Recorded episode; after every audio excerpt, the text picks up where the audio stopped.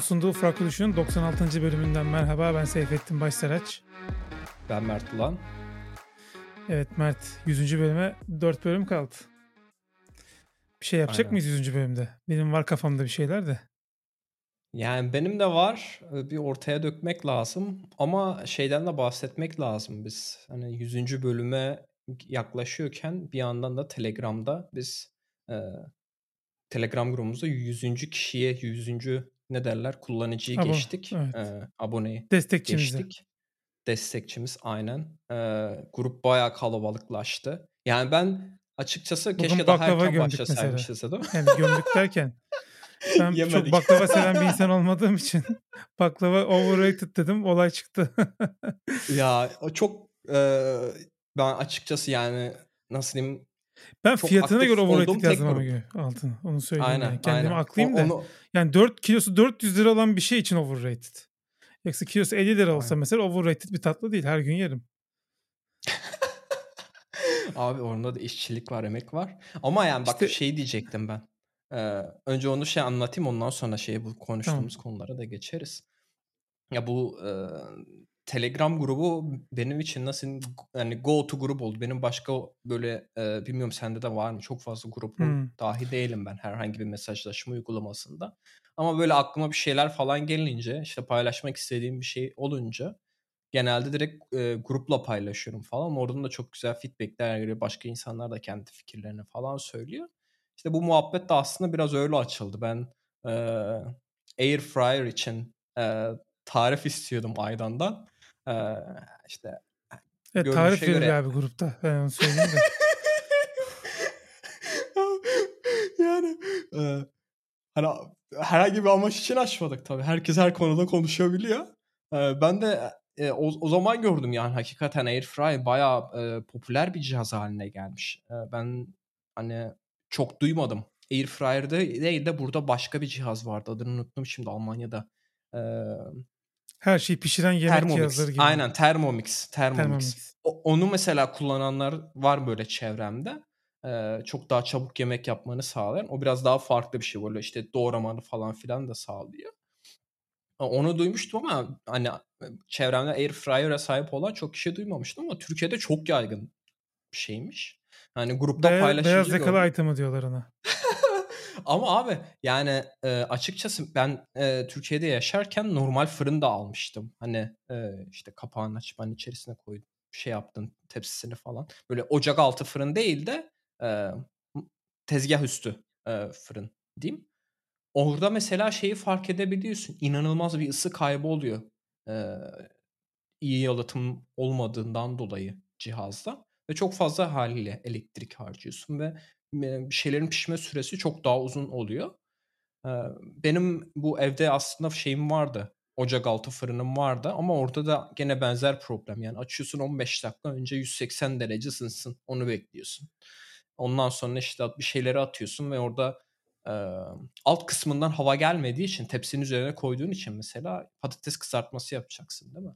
İşte genelde ne yapıyorsun? Donmuş patates kızartmasını alıyorsun, atıyorsun tepsinin üstüne, pişiriyorsun. O zaman da şey oluyor. E, alt kısmı hava almadığı için e, istediğin kıvama gelmiyor. O çıtır kıvamına gelmiyor. Ben genelde işte McDonald's e, kıvamı şey derim. Sırf onun için yani dedim ya işte önce e, patates kızartması böyle canım sürekli çekiyor böyle iyi şeyde McDonald's'a da gidip şey yapmak da istemiyorum, almak da istemiyorum. Hem onu düşündüm hem de dedim ki yani e, fırını kullanınca yani elektrik kullanım acayip artıyor. O yüzden dedim hani daha böyle pratik bir şey olsun. Bir de ben en küçük modelini aldım. E, o yüzden yani hani bugün bile gene patates kızartması yaptım.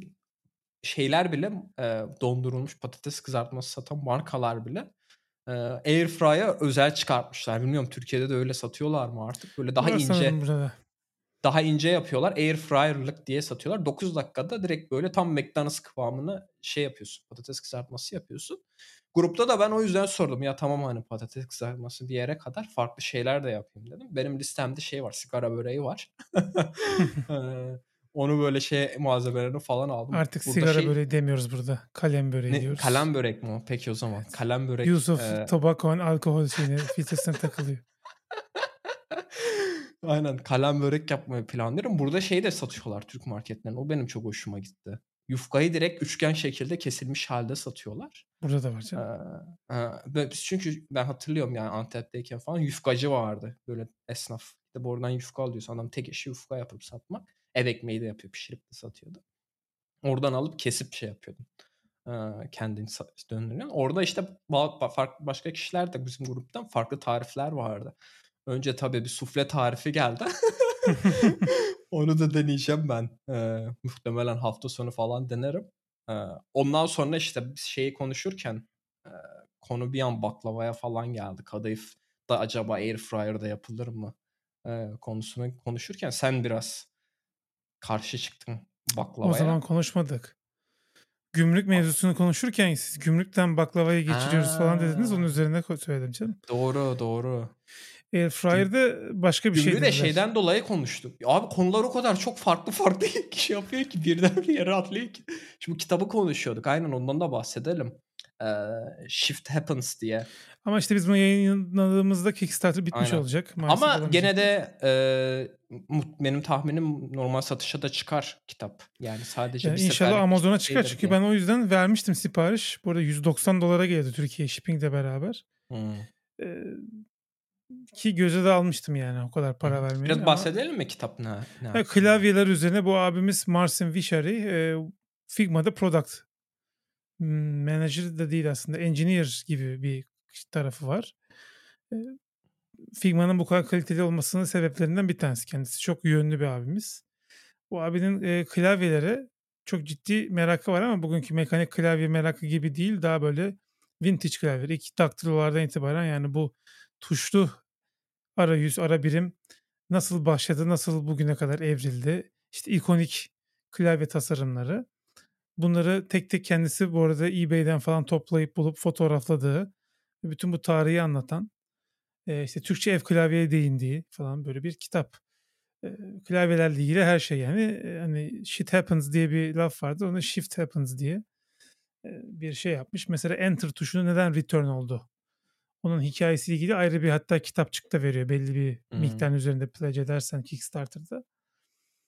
Ee, ve bir web sitesi yapmış ki yani üç boyutlu falan kitabı Oo. gezebiliyorsun. Hani Aynen. yaptığı her işi çok kaliteli yaptığı belli olan bir abimiz ve zaten ben e, onun bu kitapla ilgili açtığım newsletter vardı. Bir, bir buçuk iki senedir ona kayıtlıyım. Ne zaman çıkacak Kickstarter belli değildi. E, böyle üç ayda bir altı ayda bir bir update yapıyordu. Neyse neticede bitirmiş kitabı çıkartıyor böyle kitapların kütüphanede bulunması güzel bir şey.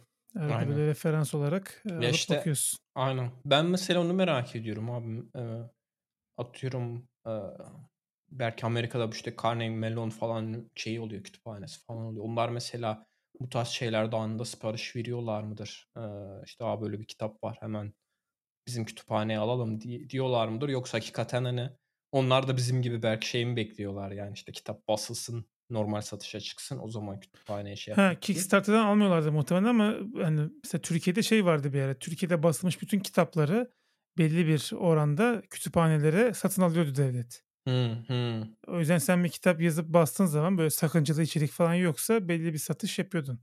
Belki çok fazla değil belki 50 tane 100 tane alıyordur ama alıyordu yani devlet. Böyle bir şey vardı. Hatta Norveç'te bu bayağı şeymiş yani. Aynen ben de onu diyecektim. Bütün kütüphanelere Norveç. koyuyorlarmış basılan kitapları. Aynen. Yani öyle bir şey yapabilirler tabii ileride. Ben e, soru yazdım bu arada Mars'ın hani Amazon'a koyacak mısınız diye. E, cevaplarsa bakacağım. Çünkü gümrükten korkuyorum ben. 190 dolar Aynen. verdim. Şimdi burada bizim gümrüğe takılırsa gümrükle desteki ver 100 dolar daha gümrük parası. E, hoş olmaz yani. Kapıda Aynen. takılırsa güzel olmaz. Bazen bir de onu da söylemiyorlar. Direkt takılıyor gümrüğe müşavir bulman gerekiyor falan. Bu işi bilen birisini bulman gerekiyor. Yap. Amazon direkt... işleri hallettiği için Amazon'dan olursa daha hmm. iyi olur yani. Ya burada da direkt şey oluyor yani bende de mesela Amerika'dan falan sipariş edince direkt hani gümrüğe takılma diye bir şey olmuyor. Hani, hani nasıl diyeyim oraya takılmıyor. Ee, işte UPS ya da işte DHL eğer o getiriyorsa direkt sana bir tane e-mail düşüyor. Ee, buraya gir işte 10 dolar ödemen gerekiyor vergisine diye ödüyorsun internetten. Hiç böyle şey olmuyor yani. Bir hani o takılma kısmı olmuyor. Hala o e, shipment devam ediyor yani. Eee, sen hemen ödersen muhtemelen, eee, ücretini. Ama o biraz şey yani, nasıl diyeyim, eee, ekstra koyuyor yani. Ben çanta alırken benzer şeyini yaşamıştım. Bu Aeren çantasını almıştım, eee, seyahat etmeden önce. Orada da bayağı yüklü $20-30 falan herhalde şey yapmıştım yani. Ekstra bir gümrük vergisi ödemiştim. Ya, bazı şeyler mesela ne yazık ki, eee, Avrupa'da da olmuyor. O biraz beni üzüyor. Yani, hani, şeyi bekliyorsun belki, işte, bir bayisi olsun, ne bileyim, Avrupa bayisi olsun falan. Amerika'da ürünlerinden bahsediyorum çünkü orada genelde şey oluyor. Hani, Avrupa için zaten herhangi bir gümrük, eee, falan ödemiyorsun. Atıyorum İspanya'dan falan bir şey sipariş verirsen, Fransa'dan falan. Ama Amerika'dan olunca, bayağı bir yüklü şey ödüyorsun. Şey, bende de mesela sen sen bence yanlış söyledin. Seninki $190 değil $200'dır muhtemelen. Eee, $150 kitap, $50 da kargo. Ben Early Bird'e basmıştım. Ha, okay. Erken. Çıktı gibi okay. bastım ben. Çünkü şeyde fark öyleydi. Türkiye'ye $50 kargo, şeye $40'dı. Almanya'da $40 ama yani yani Kendisi mi getirecek kadar... bizzat? Mars'ın Aynen abi. Çaldı. Ya ben abi de onu kitap, diyor. Kitabını getirdim. Ya onu yapsam bence daha ucuza gelirmiş gibi geliyor yani abi. Bilmiyorum. Ee, bagaj ne kadar Amerikan hava yollarında bagaj hakkı daha fazla. Amerikalılar için de. Amerika'nın dışı hiç önemli değil. Yani Amerika dışında dünya yansa Amerikalılar der ki ya Çin niye yandı iPhone'um geç geliyor. Üç gün oldu hala gelmedi iPhone'um falan der. Böyle bir millet yani bunlar da böyle diyeceğiz. Ama abi yani hiç mi yani ben onu merak ediyorum yani adamın mesela hani o kitlesi vardır yani Amerika'da. Atıyorum şey yapmak yerine bak ben sana tek tek shipment yapmak yerine ben bunu bir konteynere koyayım değil mi? Hı hı. Yani bir, konuştuk yani konteynerde bir şeyler göndermek çok ucuz bir şey aslında. Yani sen mesela 100 kitaba belki kaç 100 kitaba şey ödersen 4000 dolar para yapıyor yani. 100 tane kitap için değil mi kargo ücreti? Yani konteyner falan da muhtemelen o kadar yapıyordur diye tahmin ediyorum. Ee, hani çok kaba hesap şey yapıyorum da. Yani en kötü onu düşünürsün abi ince bir detay değil mi? Yani dersin ki işte ya şöyle Almanya'da demiş. bir tane şeyle anlaşırsın abi yayıncıyla. Bak ben sana bu kitapları göndereyim sen dağıt bunları falan. Yani Şimdi burada tabii biraz haksızlık adım. Mars'ın tam olarak Amerikalı değil benim bildiğim kadarıyla. Rus asıllı. Hmm. Ee, immigrant ailenin çocuğu da. Ee, şöyle bir şey demiş. Ben öyle anladım. Ya ben dünyaya gönderirken bu kitap olduğu için kıvrılır mıvrılır kenarı vesaire diye en böyle expedited shipping neyse takipli sigortalı falan DHL ile göndereceğim Avrupa'ya de, hmm. demiş. UPS ve DHL ile e, priority shipping ile göndereceğim diye yazmış zaten Kickstarter'a. Muhtemelen o yüzden. Şey bir de sürpriz bir shipping fee ile karşılaşmamak için yüksek tutuyorlar böyle durumlarda. Hmm. Kalan para kendisine kar kalıyor. Yapıyorlar abi onu yani ben de Amerika'dan böyle bazen bir şey alıyorum. Türkiye 90 dolar shipping'de tişört gö- gönderecek. Adam çünkü bilmiyor başına ne gelecek. Belki adam Türkiye'nin nerede olduğunu bilmiyor abi öyle söyleyeyim sana yani. Hmm. yani e, belki deveyle gidecek kargo diye düşünüyor. Vallahi öyle bak ben Amerika'da okudum. Çocukların çoğu Türkiye'yi böyle bir çölde bir yer zannediyordu. Develerle mi geziyorsunuz falan diye. O espri olarak söylüyor. Bana gerçekten soruldu bu ve birkaç defa soruldu. Hımm, olabilir. Bilmiyorum. Ya, şey sananlar çok burada aslında. Bizim de, hani, Arap dünyasında dahil olduğumuzu sanan çok insan var. Şeyi Evet. mesela hiç bilmiyorlar, işte, bizim mesela, işte, hani, Türklerin aslında zamanında Orta Asya'da yaşayıp da, eee, hani, Anadolu'ya göç ettiği falan o tarih o kısmını hiç bilmiyorlar. Bir de şu Gerçi Midnight Express diye bir film var. O da bayağı bizi bir şey yapmış insanların kafasında böyle. Hımm. Hapise düşen bir adamın hikayesini anlatıyor ya. Türkiye'de hapse düşüyor adam. Hımm. Hapiste geçiyor. Çok bozuk bir Türkçeyle konuşuyor oradaki oyuncular. Sonradan çok özür diledi o şeyi yapan, filmi yapan yapımcı ama hani verilen zarar verildi tabii ki. Hımm. İşte abi. Yani e, sinemada yani 50 sene önce çekilmiş mi? film de aklında kalmasın kardeşim. Bir bak internette YouTube diye bir şey var ya. Türkiye yaz, İstanbul yaz bir gör bakalım şehir nasıl bir şehir ya. Ama abi yani ben şeyi söyleyeyim. Deve var mı en azından yok mu onu görürsün yani. Yani ben e, inanılmaz seviyorlar İstanbul'u. Ben kimle konuşsam böyle arada international bir event'e falan gidiyorum. Abi gezmek ee, orada, için çok güzel bir şehir çünkü. Orada orada yani bayağı farklı ülkelerden insanlarla tanışıyorum. Birkaç böyle komik hikayede anlatırım. Orada mesela ben işte hani e, Türkiye'denim dediğimde hemen şey diyor İstanbul'dan mı falan diyorlar. İşte ben tabii yok diyorum da. Ondan sonra hemen işte şey diyorlar işte ben gitmiştim işte dört kere gittim beşinciyi gideceğim falan çok güzel şehir. Bazısı gelip işte Türk kız arkadaşı yapan var. var. ne bileyim işte e, gelip ailesiyle yaşayanlar onlar da çok yaygınmış. E, İran'dan falan mesela göç edip İstanbul'da yaşayanlar. E, o tarz e, şeyler de var. İran ve Irak çok e, göç aynen, Türkiye. Aynen yani çok seviyorlar. Yani burada mesela şeyler bile benim evi su tesisatına bakmaya gelen e, bir amca da Alman bir amca da diyordu ya ben çok seviyorum İstanbul'u diye. E, tatiline falan oraya geliyormuş. Böyle şey Türkiye merakları var. Hatta geçenlerde e, gene bir eventte e, e, İspanyol bir arkadaşla tanıştık, muhabbet ettik falan. O şey dedi ya dedi sizin cumhurbaşkanı dedi e, altınları satın falan filan demiş dedi. Ya dedim ne alaka yani sen nereden biliyorsun? İspanyol adam Almanya'da yaşıyor avukat e, mesleği de. Ben dedi bu böyle şeyleri dedi çok takip ediyorum falan dedi. Ondan sonra Günaydın abi, hadi bakalım bugün Türkiye ha, Cumhurbaşkanı ne demiş? Abi ondan sonra konuştuk konuştuk. Ondan sonra şey dedi. Şey mi diyorsun acaba dedim. Böyle dedim işte bir e, Rahip Brunson falan olay olmuştu. Donald Trump falan şey yapmıştı. Ha biliyorum ben o zaman dedi şey yapmıştım dedi. Türk lirasını shortlamıştım dedi. Abi yani bazıları da böyle hakikaten acayip kafalar var. Hani Bunun telefonu Amerika'da... dombura çalıyordur kesin. Abi hayır yani bunu şey olarak söylemiyorum. Hani herhangi bir siyasi olarak olarak insanlar şey yapmasın yani yanlış anlamasın. Hı hı. Yani hakikaten e, inanılmaz bir şekilde e, Türkiye'ye ilgi duyan insanlar da var böyle. Yani adam Dizilerden de, de bu arada oluyor. E, şeyi takip ediyorum dedi. Adam hani şeyi e, yatırımlarla uğraşıyormuş. O yüzden böyle fırsatlara kovalıyormuş. İşte şey hmm. diyor işte Türkiye altınları satın deyince adam hani ona göre yatırımların şey yapıyormuş. Ya da işte Para biliyor yani Türk lirası değer kaybedecek. Aynen ona göre şey yapıyor falan. Ben şaşırdım falan böyle adam onu şeyi söyleyince böyle böyle deyince çünkü hani oraya gidip başka konularda konuşayım diye sen gidiyorsun etkinliğe adam böyle hani senin ülken hakkında şeyleri söyleyince garip oluyor. Bir de bir diğer konu da mesela şey garibime gitti. Ee, Güney Koreli bir arkadaşla tanıştım. Ee, bu arkadaş şeymiş, cerrahmış. Ee, Almanya'ya göç etmiş. Önce dedim abi dedim ne işin var senin şeyde? Ee, Almanya'da hani Güney Kore'de e, şey bir ülke değil yani kötü bir ülke değil. Hani gelişmiş ülke. O şey dedi mesela e, hani güzel hakikaten e, hatta göç falan da alıyor dedi şey oranla dedi. Japonya biraz daha kapalı bir ülkeyken Güney Kore'ye çevre ülkelerden falan da göç alıyor dedi. E, öyle çok şey bir e, ülke değil dedi. Hmm, muhafazakar bir ülke değil dedi.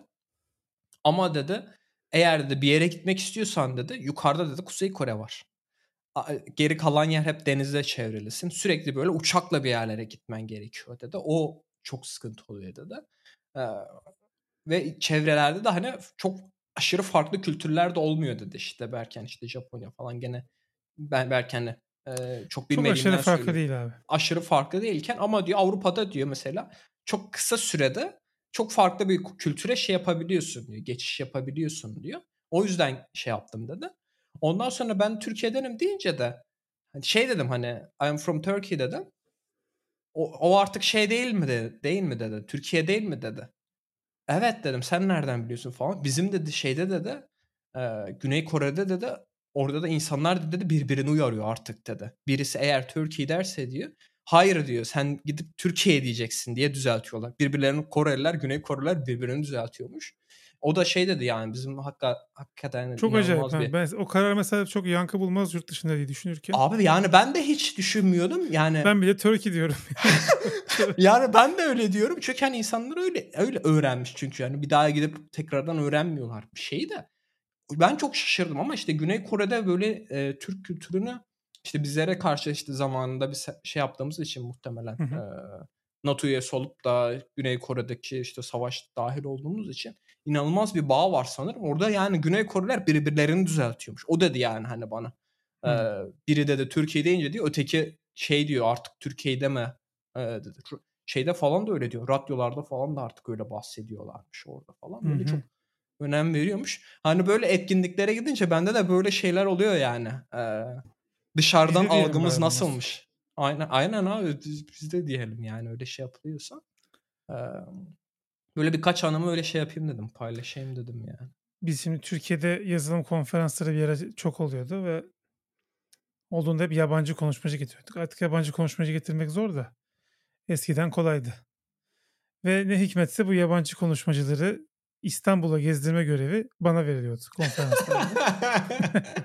hem İngilizcem daha iyi olduğu için hem de İstanbul'u iyi bildiğim için.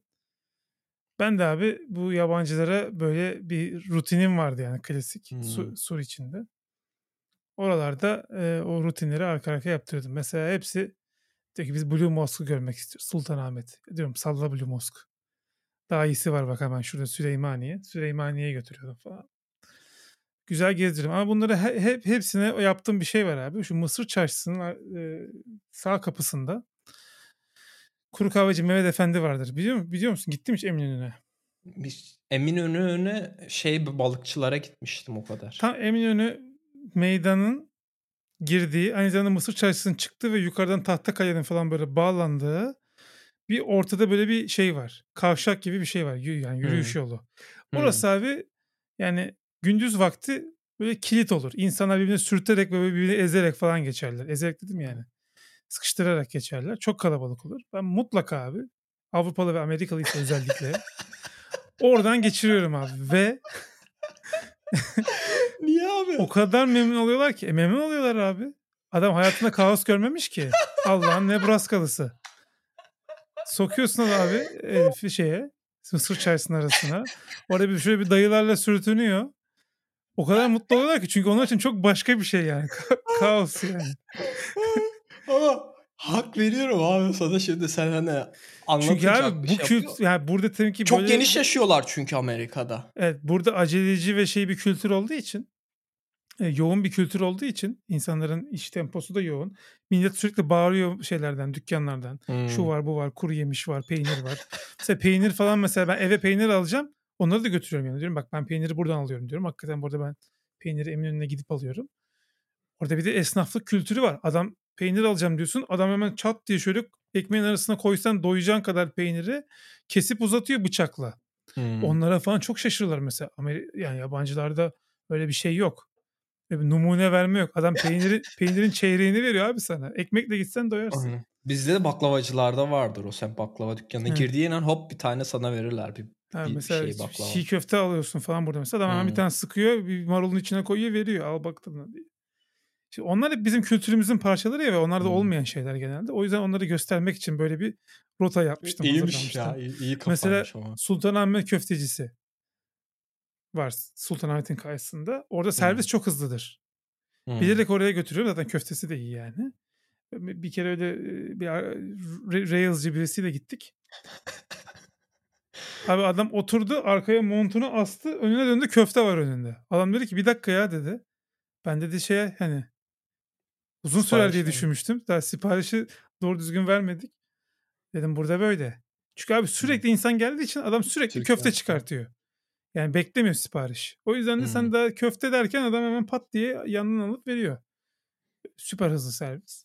Hep işte onlar hep böyle bizim e, kültürümüzün bir parçası olduğu için de onları biraz buna şey yapıyorum. Çok da mutlu ayrılıyorlar. Burada hakikaten Süleymaniye Camisi de görsel olarak, estetik olarak e, bence Sultanahmet'ten Bunların içinde linç yemeyelim de. Hatta Mimar Sinan da daha hani ustalık eseri. Sultanahmet'i Mimar Sinan yapmadı.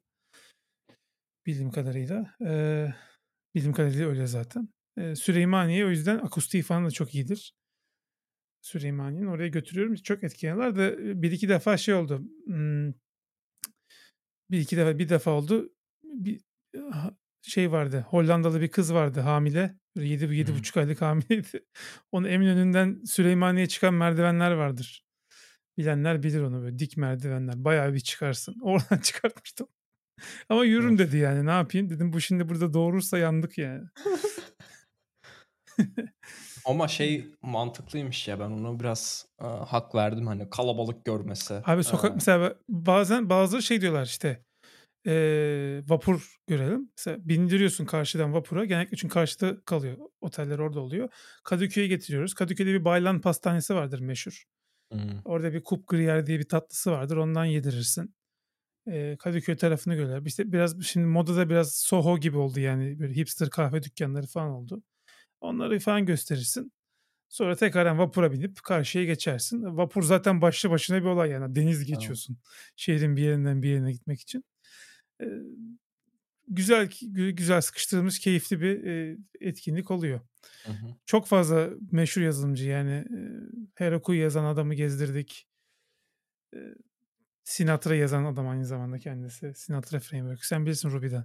Aynen aynen. Sinatra. Rails'e göre daha böyle hafif Duvarda Sinatra poster barda yazmışlar framework'ü. Herif barda akşam otururken Sinatra framework'ünü yazmış. Poster varmış duvarda Sinatra'nın posteri Frank hmm. Sinatra'nın. Oradan koymuş ismini. Bir de I'll Do It My Way diye şarkısı var ya Sinatra'nın o. İşte Rails hmm. değil de biz kendi yolumuz, yöntemimizle. Web uygulaması geliştiriyoruz diye. O da iyiymiş. Abi çok genius adamlar bu arada. Neyse. Ee, Böyle bir İyi ya, çok anım böyle... var benim. Gezdirme anım çok fazla var yani. Bir gün bir tanesini dövdüler Taksim'de. Bak onu hakikaten ders olsun.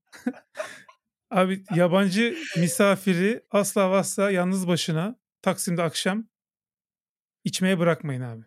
Ben giderim otele falan dedi bizi yolladı. Yapmamamız gerekiyormuş onu. Özgün bir geldi gözüm özüm morar, morarmış adamın. Dedik ne oldu dedik merdivenden düştüm diyor. Lan merdivenden öyle düşülür mü? Nasıl bir merdiven bu? Metal merdivenden mi düştün yani? Muhtemelen bir şeyler oldu. Bunu dövmüşler. Ne olduğunu anlatmıyor, söylemedi. Hmm. Ama bayağı sağlam dayak yemiş yani gecenin üçünde, hmm. dördünde. Yapmayın yani. Gezdirirken e, başı boş bırakmayın insanları. Her şey, her an her şey olabilir. Aynen. İyi ya böyle birkaç tane de senden İstanbul'da Ben de anı çok. Oho. Mekan tavsiyesi almış oldu dinleyenler İstanbul'da ha. yaşayanlar.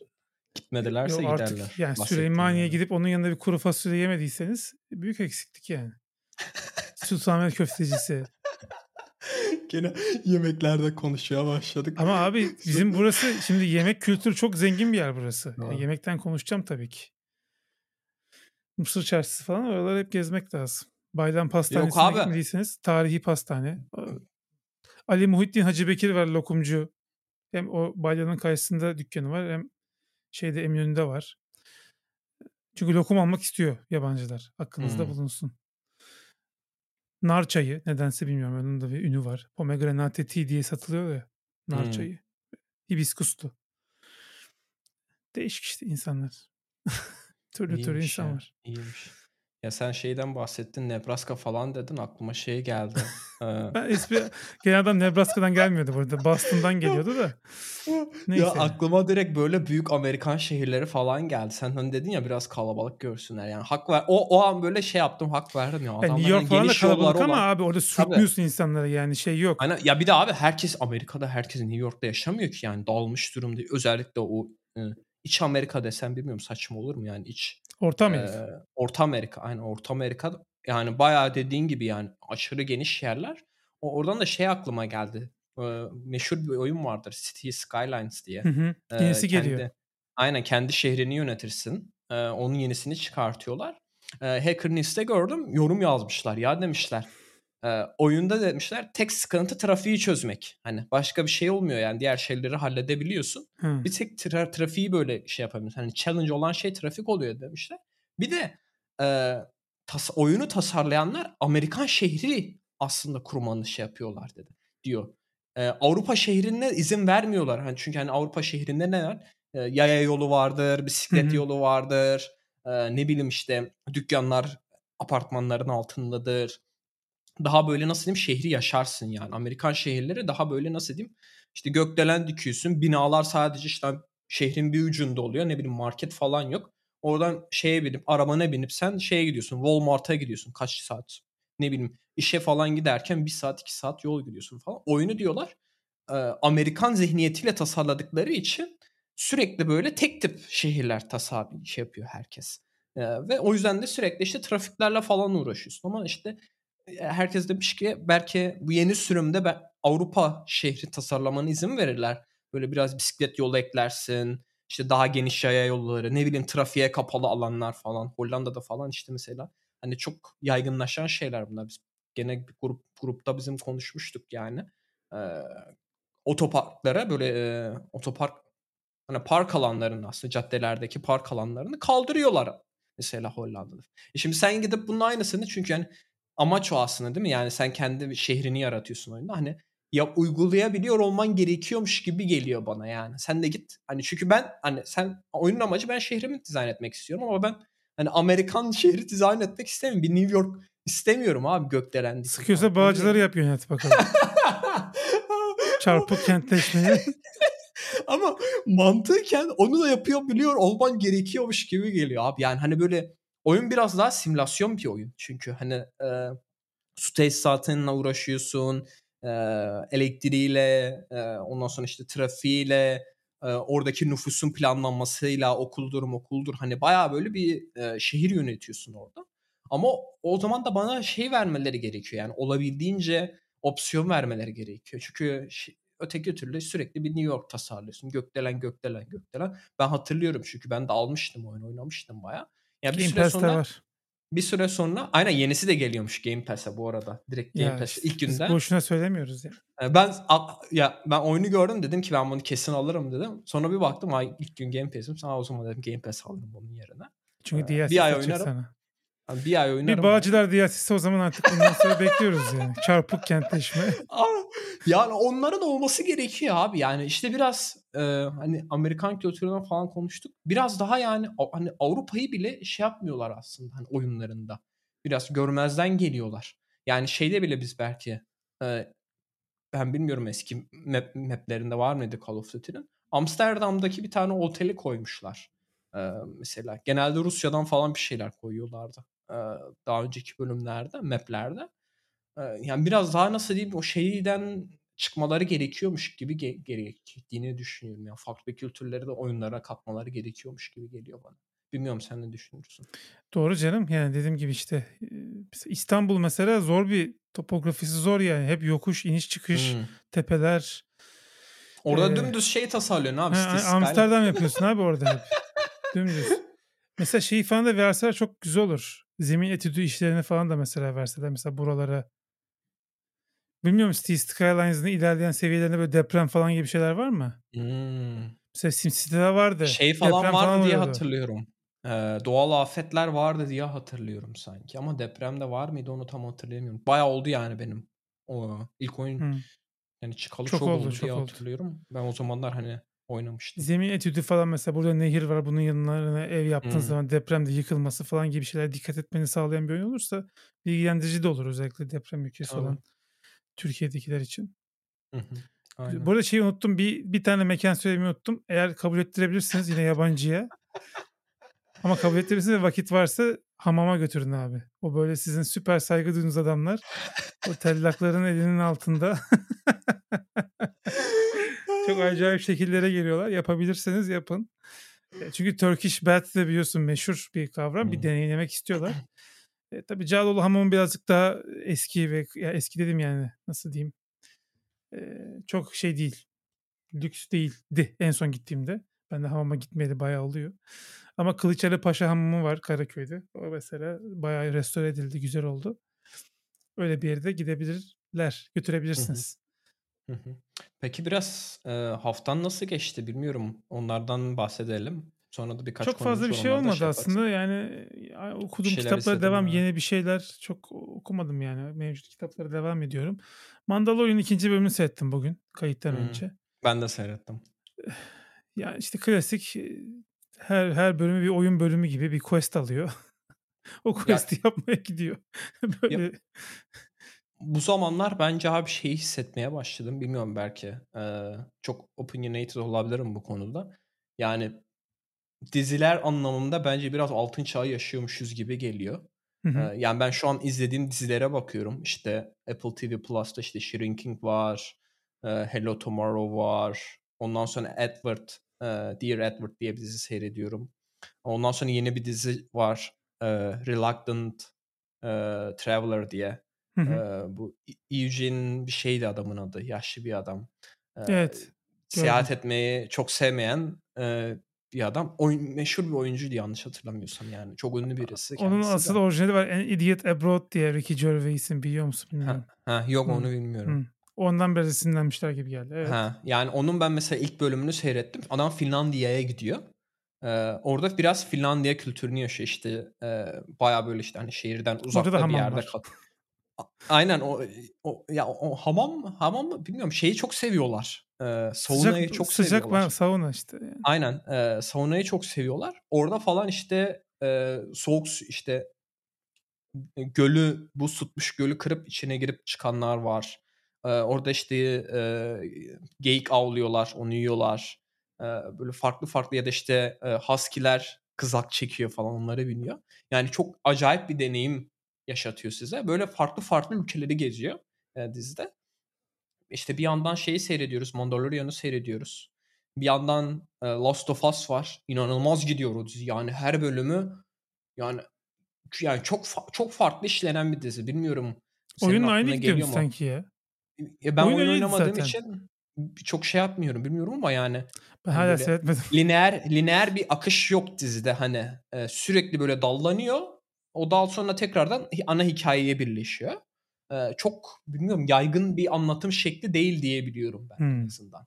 E, bazı dizilerde yabancı dizilerde gene oluyordu böyle ama e, her bölüm öyle olmuyordu mesela. İşte bir bölümde hakikaten çok kısa bir geri dönüşe gidiyorlardı. İşte flashback oluyor. Çoklu perspektif anlatımı deniyor ona. Farklı karakterlerin perspektifine gidip hikaye Game of Thrones mesela hmm. düşün. Her karakterin perspektifini seyrediyorsun. Aynen. Ee, bir de Harry Potter var mesela. Harry Potter'ın perspektifi var sadece.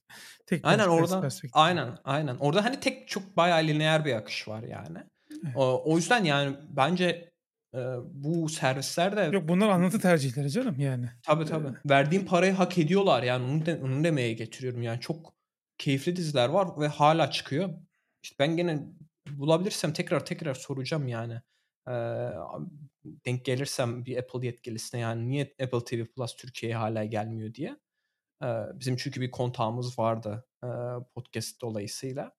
Yani onlar bakıyor olabilirler böyle genelde. Orada da işte sıkıntı bu yani. Türkiye temsilcisi olmuyor da Orta Doğu temsilcisi oluyor. Türkiye'de o temsilciye bağlı diyor. Ee, sıkıntısını niye hala yayınlamadılar diye. Çünkü ben biraz kötü hissediyorum. Böyle her seferinde bir Apple TV Plus dizisi konuşuyoruz. Maalesef. Ee, herkes kolay kolay erişip izleyemiyor. O çok e, üzücü oluyor. Ama diğerleri var diye biliyorum. Mandalorian'ı Disney Plus'ta zaten. Var Disney tabii canım. Plus, Türkiye'de var. Disney Plus ee, bu arada Last çok iyi içerikleri. Last of Us da sanırım e, gene bir yerde yayınlanıyor diye hatırlıyorum. Yanlış o da işte Blue TV'de var. Last of Us'ta. Aynen. Aynen. Yani ben Marvel'ı mesela komple reddetmiş birisi olarak ona rağmen Disney Plus'ta seyredecek bir sürü şey buluyorum. Aynen. Ya orada bazen filmler falan oluyor. Ben ona şaşırıyorum. Yani. Oluyor oluyor getiriyorlar. Aa dedim bu film Disney Plus'ta mıymış falan diyorum. Ee, orada da genelde şeyi kullanıyorum. Ben gene bahsedeyim bizim dinleyenlerin geliştirdiği Consensus diye bir uygulama var. Hı hı. Ee, hani bu kadar dinle e, streaming servisinde ya hangi film nerede? Bizde mesela işte ben de Ülke bende bazlı değil de benim abim genelde alıyor. Ee, abonelikler işte Netflix'tir, Disney Plus'tır, Amazon Prime falanların abonelikleri oluyor. Ben arada bir tane çünkü dizi falan olunca onu izlemek için şey yapıyorum, kullanıyorum. Ama bilmiyorsun abi yani hangi dizi nerede diye. O app'te mesela çok kolay bir şekilde ben gene linkini paylaşayım. Direkt filmin adını yazıyorsun. Sana söyle işte bu şeye göre güzel yanı o yani. Sadece Türkiye bazlı bir e, uygulama da değil yani. Sana diyor Almanya'da işte iTunes Store'a git oradan alabilirsin ancak diyebiliyor. Ya da işte Amazon'dan gidip satın alman gerekiyor. Ya da hiçbir şekilde erişemiyorsun falan diyor. O da güzel uygulama yani. Ee, o arada o da çıksın istedim.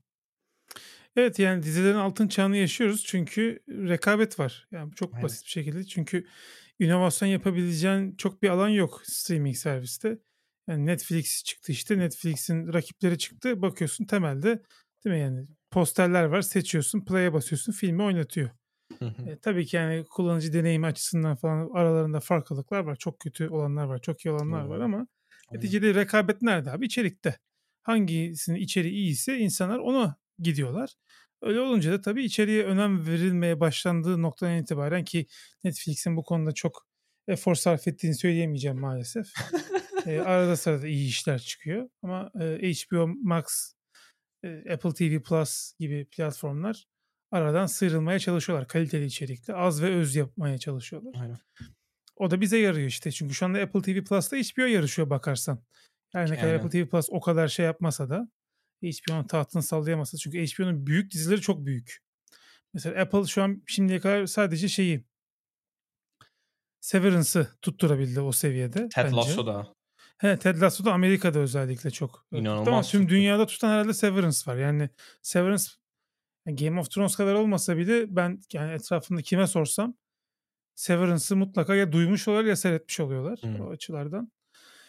Büyük diyorum. Ben de çevremde Ted Lasso'yu çok duydum. hatta yeni sezonunda geliyor onlara. Çünkü abi çok ilginç bir marketing kam- kam- kampanyası yapıyorlar. Pazarlama Gerçek kampanyası futbol kulüpleriyle yapıyorlar. Gerçek futbol kulüpleriyle anlaşıyor. Futbol Manager oyununa sanırım eklettiler.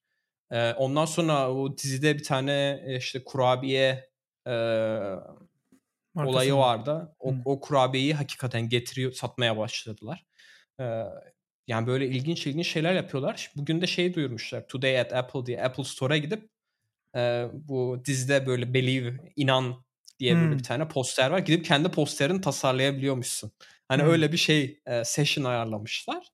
Yani inanılmaz bir marketing kampanyası yapıyorlar orada. Orada o da bayağı tutan dizilerden bir tanesi aslında. Yani çok kişi nasıl böyle bir grup bir grup e, genelde öyle yapıyorlar ya dizileri işte şu gruba hitap eden bir dizi yapalım, şu gruba hitap eden dizi ama Ted Lasso böyle hani herkese hitap eden bir dizi bence. Foundation ikinci sezon biraz daha mı? şey yapıyor. Bu arada Foundation. Yok, Foundation'ın ikinci sezonu çıkmadı. Ne zaman çıkacak hiç şeyim de yok. Foundation'ı Game of Thrones yapabilirlerdi yani o senar abi bence çalışmasınlar şey abi. Ya. yapabilirlermiş gibi geliyor. İkinci sezonda toparlayabilirlermiş gibi geliyor. o şeye bakıyorlardı benim tahminim. İzlenme rakamlarına, eleştirilere falan bakıyorlardı diye düşünüyorum. O senaristlerle çalışmaları çok kötüydü senaryosu yani. Bazı dizileri hakikaten yani şu anda ben izleyince yani çok, oyunculuk falan çok iyi, hikayeler çok iyi ve hiç böyle şey yapmadan izliyorsun yani. Sıkılmadan izliyorsun abi. Geçsin bitsin şey yapmıyorsun. Anlamıyorsun yani dizileri falan seyrederken. Ve çok farklı konular oluyor. Ben onu o yüzden seviyorum yani. Ee, ama işte bunun dışında sen dediğin gibi yani Last of Us o da HBO dizisi. Ben burada farklı bir servisten alıyorum ama e, yani orada Biz mesela sen uygulamasından bahsettin. Çok dandik. WoW diye bir tane işte Sky TV'ydi bu. WoW'a çevirini. O kadar dandik ki uygulaması. Yani bir de saçma bir şekilde sana bir fragman seyrettiriyor zorunlu olarak. Ee, sen dizin bölümünü başlattığın zaman geçemiyorsun falan böyle. Bayağı sana izlettiriyor. Ve daha da saçma kısmı abi sana şey göstertiyor. Spoiler göstertiyor ya. Ben mesela işte bu Avenue Five diye bir tane komedi dizisi var. Onu seyrediyorum. Orada bana Lost of Us'ın bir sonraki bölümünün şeyini göstertiyor fragmanını. Ben hiç seyretmem çünkü hani dizilerin hmm. fragmanlarını. Sürpriz olsun diye. Çünkü abi bakıyorsun hani en son izlediğim bölümde adam hani ne bileyim işte sıkıntıda değil mi? Bir bölüm bir sonraki bölümü şeyini göstersin. Adam ayakta yürüyor tekrardan. Ya tamam da abi ben onu görmek istemiyorum. Sen bana zorla hani hani anlamak istiyorum o süreci yaşasın istiyorum. Hani ya da ben de hani ne bileyim diziyi izlerken hissedeyim hani o sıkıntıyı istiyorum. Ama adamlar çat diye sana fragmanı göstertiyor. Zorunlu seyrettiriyor. Haliyle hiç keyif alamıyorsun yani. Ondan o diğer evet. diziyi seyretmeyi bıraktım. Yani sırf o fragmanını seyretmeyeyim diye Last of Us'ın. Yöneticiler yöneticiler yani ne diyeyim. Kesin iş güzel yöneticinin reklam gösterim başında. Mesela Türkiye'de futbol maçlarının özetlerini ben herkesin seyrettiği ücretsiz siteden seyrediyorum ve başı sonu önü her yeri reklam. Hmm. Lan ben bu abo- servis abonelik parası ödüyorum. Onun uygulamasına koysana özetleri ben oradan seyredeyim. Yok. Tamam. Orası canlı yayın uygulaması. Özetler free uygulamada. Free uygulamada herkes reklam seyredecek. Ben para veriyorum size her ay. Dünyanın parasını veriyorum ya. Öyle bir saçmalık işte. Bunlar hep e, yönetici zekası diyeyim. Öyle maalesef. Evet. Başka bir çok bir şey yok ya. Gelişme yok. Yani Hogwarts Legacy falan hiç oynamadım mesela son bir hafta. Hatta hmm. biz Cuma kaydetmiştik seninle. Birkaç gün oldu. Aynen. Aradan çok ya uzun de, geçmedi ama. Aynen bende de çok fazla bir şey yok. Bu izlediklerim de zaten bir şeyler yerken falan seyrediyorum. Oturup da böyle dizi seyretmeye seyredemiyorum. Ve bayağı yoğun geçiyor bizde de. Hala o bahsettiğim projede çalışıyorum. Ya umarım e, detaylarını daha sonra anlatabilirim. Yani çok ilginç bir şekilde hani geliştiriyor. Normalde e, ekibinle çalıştığım bir projede nasıl diyeyim bazı şeyler daha tanımlıyken daha kısa sürede bir proje çıkartmak istediğinde ve bu proje biraz gizli bir proje olduğunda daha farklı dinamikler oluyor. Ee, ben de onu deneyimliyorum aslında şu anda. Bayağı da keyifli oluyor açıkçası. Ee, çok hoşuma gitti. Birkaç hafta daha böyle bu projede çalışacağım. Ee, umarım yayınladıktan sonra biraz daha detay verebilirim. Daha da detaylı e, konuşuruz. Ama e, sen daha da ilginç bir şey üzerine çalışıyorsun. Hmm. Geçen bölümde bahsetmiştin. Evet ondan dolayı ee, çok oyun oynayamadım zaten. Aynen. Ya benim de çok ilgimi çekiyor. Ben de çok meraklıyım biliyorsun yani e, iOS uygulama geliştirmeye. Özellikle Swift UI kullanmaya. Yani ben Swift UI öve öve bitiremedim şirkette. Herhalde production'da Swift UI kodu olan tek kişi ben olabilirim bizim şeyde uygulamada. E, widget'ları ben yaptığım için widget'larda da gene Swift UI kullanıyorsun. Sen e, namaz vakitleriyle ilgili e, bir uygulama Geçen üzerine çalışıyorsun. zaten. Aynen. Ama e, bu bölümde biraz daha detaylı konuşalım istedim. Çünkü sen geliştirmeye başladın. E, video hatta bunu geliştirirken videolarını süreci kaydediyorum evet. Aynen. Süreci de kaydediyorsun. Anlatarak aynen, paylaşacağız. geliştiriyorum. Aynen. O yüzden ben sana abi şeyi sorayım. Ee, hani yeni bir uygulama geliştirmeye nasıl başlıyorsun sıfırdan? Çünkü ne bileyim sana işte belki dizaynı hazırdır. Hani nereden başlıyorsun? Böyle adım adım belki hani bu flow'ları anlatabilir misin? Ya orada tabii bir çok yaklaşım var. Tasarım bazen hazır oluyor, bazen olmuyor. Bu duruma göre başka. Bazen API hazır oluyor, oluyor olmuyor. Elinde ne varsa eğer başlaman gerekiyorsa yani başlama şartların orada çok önemli. Ha, her şey hazır başlıyorsun. Onun süreçleri ayrı. Ama dediğim gibi hiçbir zaman her şey hazır olmuyor. Aynen. Tasarımlar bitmiş oluyor. Backend yazılıyor oluyor. E senin başlaman lazım ki deadline'ların var. O zaman ne oluyor? Tasarımları o zaman entegre etmeye başlıyorsun. Sonra sen tam işte backend hazır oluyor, tasarımları entegre ettim derken tasarımlar değişiyor bir anda. Bu çok yaşadığımız şeyler.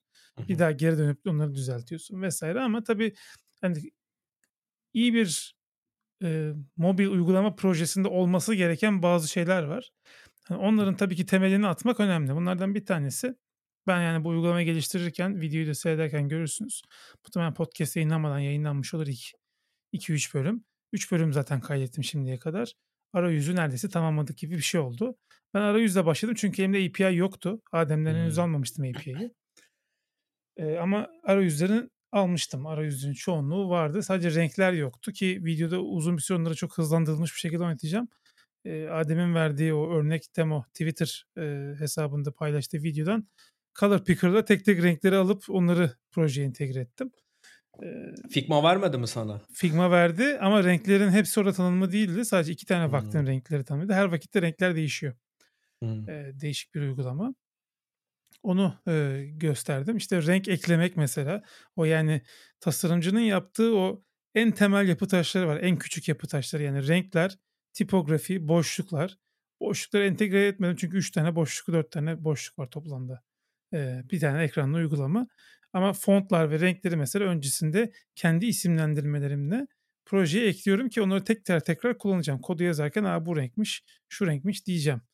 Hı hı. Bu şekilde e, Gel... Onun bir adı var mı abi? Ben bu tarz şeyleri aslında merak ediyorum. Çünkü hani internette direkt onu aratıp bulun diye CSS'te falan işte e, variable CSS diye mi geçiyordu? Böyle bir şey diye geçiyordu. Yanlış biliyordu olabilir. Hı hı. Orada da gene tanımlıyorsun. Design tokenlar vesaire de var. design token diye mi geçiyor? Okay. Yani o design token mantığını aslında design token'ı tasarlandıysa bu arada ki çok nadir bulursun öyle bir şey. Hı hı. Tasarımcılar arasında ancak büyük ekipler olan yerler design token kullanıyor bireysel böyle çok süperstar dizaynlar hariç. E, design token varsa tabii öyle yaparsın. Yani senin bir temel renklerin olur. Onları private olarak tanımlarsın. Uygulama hmm. içerisinde kullanılamaz onlar. Ama o renkleri referans veren ikinci isimlendirilmiş renkler olur.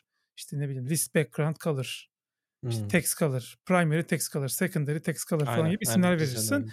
Onlar ama gider işte blue 500, blue 600 gibi mavinin o farklı tonlarına hangi renkse Onlara referans verir. Buna design token diyoruz. O şekilde color extension'ları yazıyorsun. Yani SwiftUI'nin color'ına bir extension yazıyorsun. Böylece hmm. color kullanman gereken yere direkt nokta Aa. primary color dedim mi lap diye yapıştırıyor onu. Aa, anladım. Çünkü ben o kullanımı çok seviyorum abi. Yani o Tabii. bir adı vardır gene. Nokta Şimdi benim işte aynen yani e, bizde mesela işte semboller falan vardır Ruby'de de. Burada da böyle direkt e, atıyorum color nokta red yazmak yerine direkt nokta red yazıyorsun falan o tarz e, hı hı. direkt şeylere bağdaştırabiliyorsun. Evet, daha önceki evet. tanımladan. Onu bilmiyordum sen de onu extend edebileceğini. Evet yani videoda şöyle bir şey yaptım bu arada. Ee, uygulamada şöyle bir şey var. Şu anki vakite göre bir a, a, renk ana renk değişiyor yani. İşte hmm. mor e, oluyor, mavi oluyor, sarı oluyor vesaire. Güneşin Ama şeyine göre sanırım. Vakitlerde her biri birer list item olarak sıralandığı için Onların da farklı tonları var yani sarı ana renk oluyor ama Hı. onun böyle açıktan koyuya tonları var. Ben bütün renkleri isimlendirmelerini şöyle yaptım. Ee, hangi vakitin rengi ve hangi e, listelenen vakitin rengi yani şeklinde Hı. yaptım ve güzel bir helper metot yazdım. Mevcut vakiti veriyorsun. Olması yani liste hangi liste hangi vakti temsil ediyorsa onu veriyorsun. Sana pat diye renkleri veriyor. Text color'ını mesela veriyor. Neyse ona göre yani tasarıma uygun bir şekilde şekillendirip o arkadaki yapıyı e, daha sonra ondan devam ettim. Bu şekilde sonra e, dummy olarak UI'yi yaptım yani tamamen fake data isimlendirmeler falan. Tabii baştan yaklaşımda localization kullanacaksa mesela localization'ı baştan düşünerek entegre edersen tekrardan çift dikiş olmaz. Onları anlatıyorum videoda. Bir de bilmiyorum siz şey Arapça destekli e, e, ekler Şu an eklemek orada çok çünkü, kolay. Aynen. Orada çünkü hani neden hani başta düşünmek gerektiğini çünkü orada e, mantık tamamıyla değişiyor. Hani Latin alfabesi değil. Hiç hani problem değil. Soldan siyah okuyor falan. E, o yüzden hani baştan düşünmek gerekiyor aslında. Gerekmiyor. Sonradan, gerekmiyor. sonradan da direkt yapabiliyor musun? E şöyle Apple'da e, arayüz kurallarını verirken işte padding vesaire verirken left ve right yoktur. Sol ve sağ yoktur. Hı-hı. Leading ve trailing vardır. Aynen. Öncesi ve sonrası. Çünkü sağdan sola olan dillerde öncesi sağdır, sonrası soldur. Latin dillerinde öncesi soldur, sonrası hmm. sağdır. Onun o yüzden sen olmuş. leading ve trailing olarak verirsin kuralları. Left ve right de vardır. Mesela soldan sağa reflect olmaması gereken mesela ne olabilir? Video player. Geriye sarma, ileriye sarma. Araplarda sağ taraf geriye sarma değil. Soldan sağa doğru gidiyor her şey. Ee, ya da mesela resimler reflect olmalıdır, olmamalıdır. Ona göre resimleri işaretliyorsun mesela. Bu diyorsun right to left'i support etsin. Bu ikonu böyle flip et, ters çevir. Hmm. Ee, ya da mesela simetrik bir ikon, onu ters çevirmene gerek yok. Onu o ayrıyetten işaretleyebiliyorsun. Asset katalogda var bunların ayarları. Neyse bunları verdikten sonra ben sadece proje ayarlarına gidip Arapçayı eklediğim zaman Arapça cihazları direkt sağdan sola her şeyi Apple otomatik olarak yapıyor. Bana sadece metinleri vermek kalıyor. Zaten zaman e, konusu olduğu için zaman verirken de hiçbir zaman dümdüz Latin zamanı 13-24 falan gibi bir zaman vermiyorsun. Time Formatter diye bir class var. Hı hı. E, date Formatter ve Time Formatter. Time Formatter kullanarak verirsen kullanıcının tercih ettiği dile göre ve olduğu ülkeye göre iOS nasıl bir dil göstermesi gerektiğini kendisi karar veriyor. Yani hı hı. saat 2 nokta üstü sayılı ayıracak. Aralarına boşluk bırakacak mı bırakmayacak mı her ülkenin farklı. Aynen. Ee, o yüzden de lokallere dikkat ederek yani internationalization dediğimiz kavram yani ulusallaştırma Hı-hı. uygulamayı onu düzgün yaparsan aynen e, dili şey yapmana gerek yok. O da işte iOS uygulaması geliştirdikçe oturan bir şey. Neyse. Hı-hı. Sonra e, en küçük komponentleri yani renkleri ve fontları ayarladıktan sonra bir üst level'da olan basic komponentlerden başlıyorsun. Hemen e, bir tane vakit gösteren komponenti tasarımını yapıyorum. Orada da işte paddinglere, tasarıma dikkat ederek, state'lere dikkat ederek onları belirliyorum ve yine e, state'leri değişken olarak atıyorum. Zaten o noktadan sonra şöyle bir şey oldu. Vakti değiştiriyorsun. Bütün arayüzü sağ tarafta preview olarak görüyorsun. Vakti Aynen. değiştiriyorsun. Preview olarak görüyorsun. Şeyin çok o güzel yanı çok iyi. E, zaten yani. artık Xbox, o saatten sonra da, datayı bağlamaktan başka bir şey kalmıyor o noktadan sonra. Tasarımı bir kere oturttuktan sonra. Tabii ki çok fazla cila vesaire yapacağız. Ama accessibility e, evet, vesaire. Aynen. Şimdi Bundan bir sonraki adım e, testlerin yazılması. Çünkü artık data işine giriyoruz. Hı. Ben mesela ona bir saat vereceğim. Onun doğru vakitte olduğunu yani hangi vakitte olduğunu veren bir metot yazman lazım ama önce testini yazıp farklı vakitler verip bakalım bana her seferinde doğru vakiti veriyor mu onun testini yazıp daha sonra e, bu testlerin düzgün çalıştığına emin olduktan sonra yani önce fail olacaklar tabii.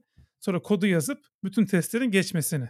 Orada da birazcık test driven mantığını anlatacağım. Süper. Ee, BDD çok anlatmayacağım. Behavior Driven Development anlatmayacağım ama onu belki bir örnekle gösterebilirim. Çünkü çok bilinmez bir şey o BDD tarafı. Onu da belki iOS'te göstermek için şey yapabilirim. Burada sıfır dependency ile geliştiriyorum uygulamayı. Hiç dependency Oo, yok. Süper. Muhtemelen yani de böyle hani 8-9 megabayt falan olacak uygulamanın. Aynen. Dependency'den kastımız da herhangi bir ekstra kütüphane kullanmıyorsun. Başkasının yazdığı. Default, aynen. Default kütüphaneleri kullanıyorsun. iOS'in API'inde gelen. Aynen. Tamamen onlarla devam edeceğim bütün işte edge case'leri falan yazıp test olarak yazıp bir data klası oluşturup bana şu an günün saatini ver. Verimde de benim bu. Hangi vakite denk geliyor onu görmek. Onu göstermek. Onu yapacağım. O şekilde devam edecek. Sonra işte API bağlama falan derken zaten bir temel uygulama oluşuyor. Hı hı. Ama tabii bu iş burada bitmiyor. Dediğim gibi accessibility işleri var. Ee, onları ayarlamak çok da zor şeyler değil. iOS'ta onları hemen yaparsın. Tamam.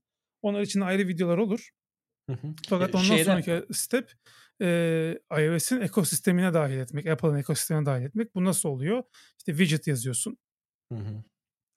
E, bir e, home screen widget yazıyorsun. Lock screen widget, lock, home lock screen, screen widget, widget, home screen diyorum. Lock screen widget yazıyorsun. Home screen widget de yazıyorsun. E bir de ana ekrana da widgetler konabiliyor.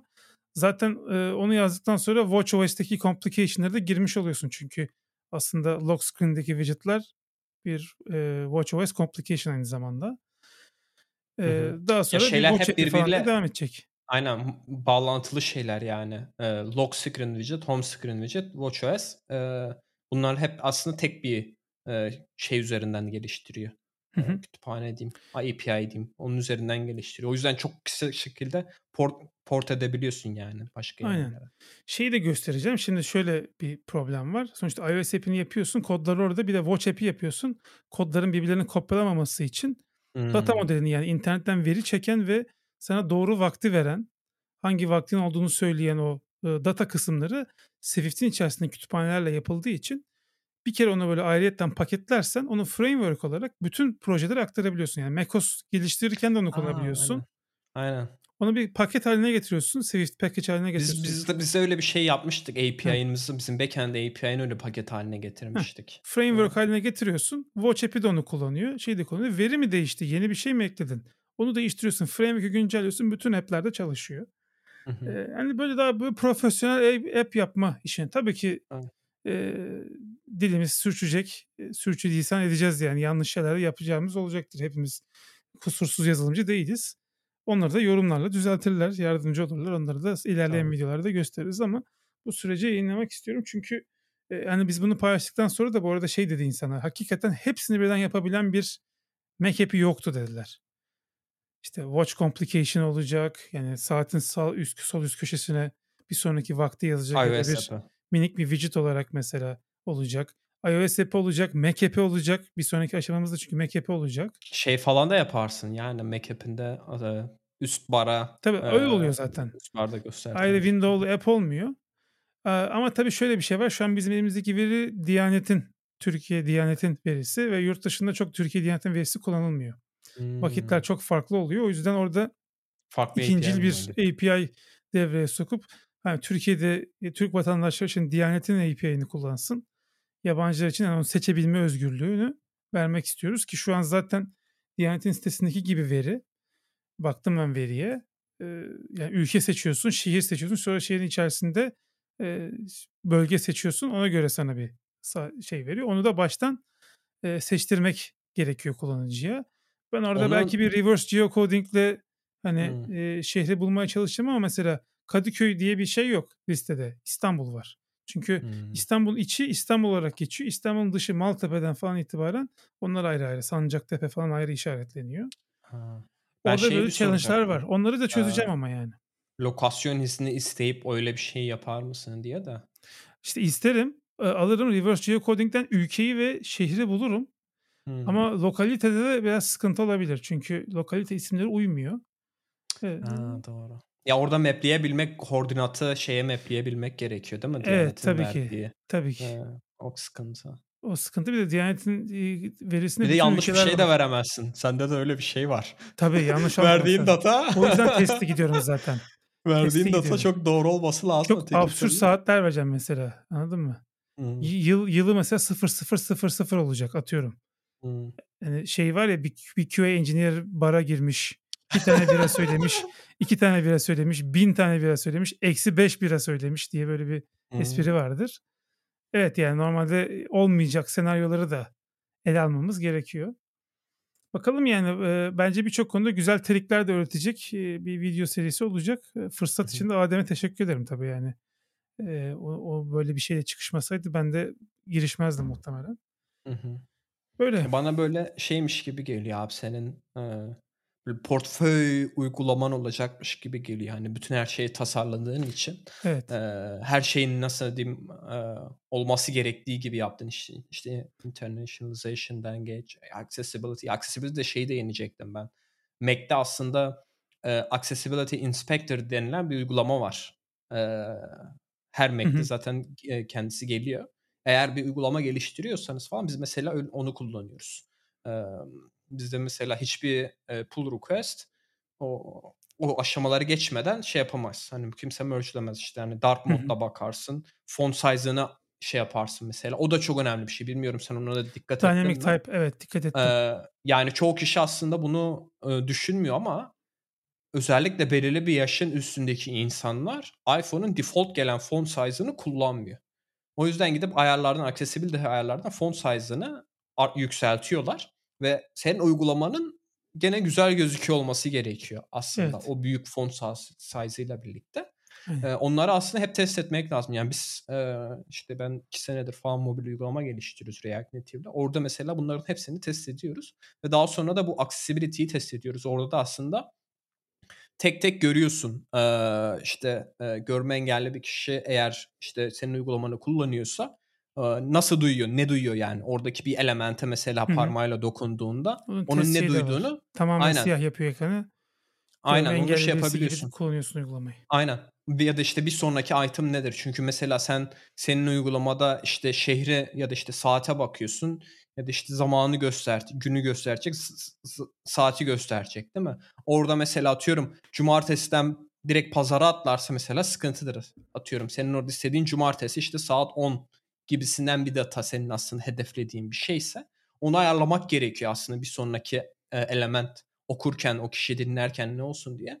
E, hani o açıdan ben aslında çok takdir ediyorum abi yani ya, senin yaptığın işi. Çünkü hani insanlar bu tarz detayları da görecekler. Hani çünkü evet. Günün sonunda hani herkes uygulama tasarlar. Yani açarsın uygulamayı tasarlarsın o sıkıntı değil ama her şey böyle olması gerektiği gibi yani.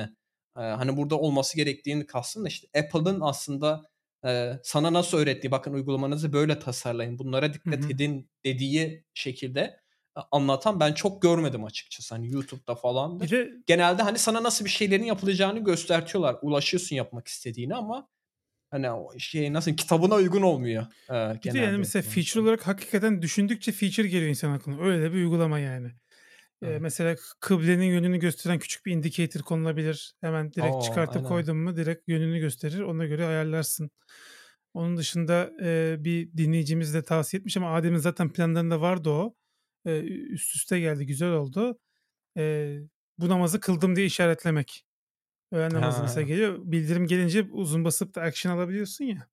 Hmm. Kıldım diye işaretliyorsun mesela sana grafik çiziyor. şu gün kaçırdım falan gibisinden. Bu arada tamamen opsiyonel olur diye düşünüyorum. Yani onu kapatabilirsin. Çünkü bazı insan için rahatsız edici olabilir. Tamam. Ee, tabii burada şey tarafı da güzel yani. E, WatchOS app'ini de sonuçta tasarlayacağız ve o da muhtemelen Adem değil de ben yapacağım o tasarımları. Hmm. Orada tabii Watch'un kendi kurallarına göre, var. kendi e, tasarım diline göre başka şeyler yapılacak. Hani oradaki farklılıkları da anlatmak adına. Yani aynısını Hı-hı. lacivertini koymuyorsun hiçbir zaman. E, o platformun kendine has özellikleri var. Mac app'i mesela tasarımı muhtemelen bambaşka olacak.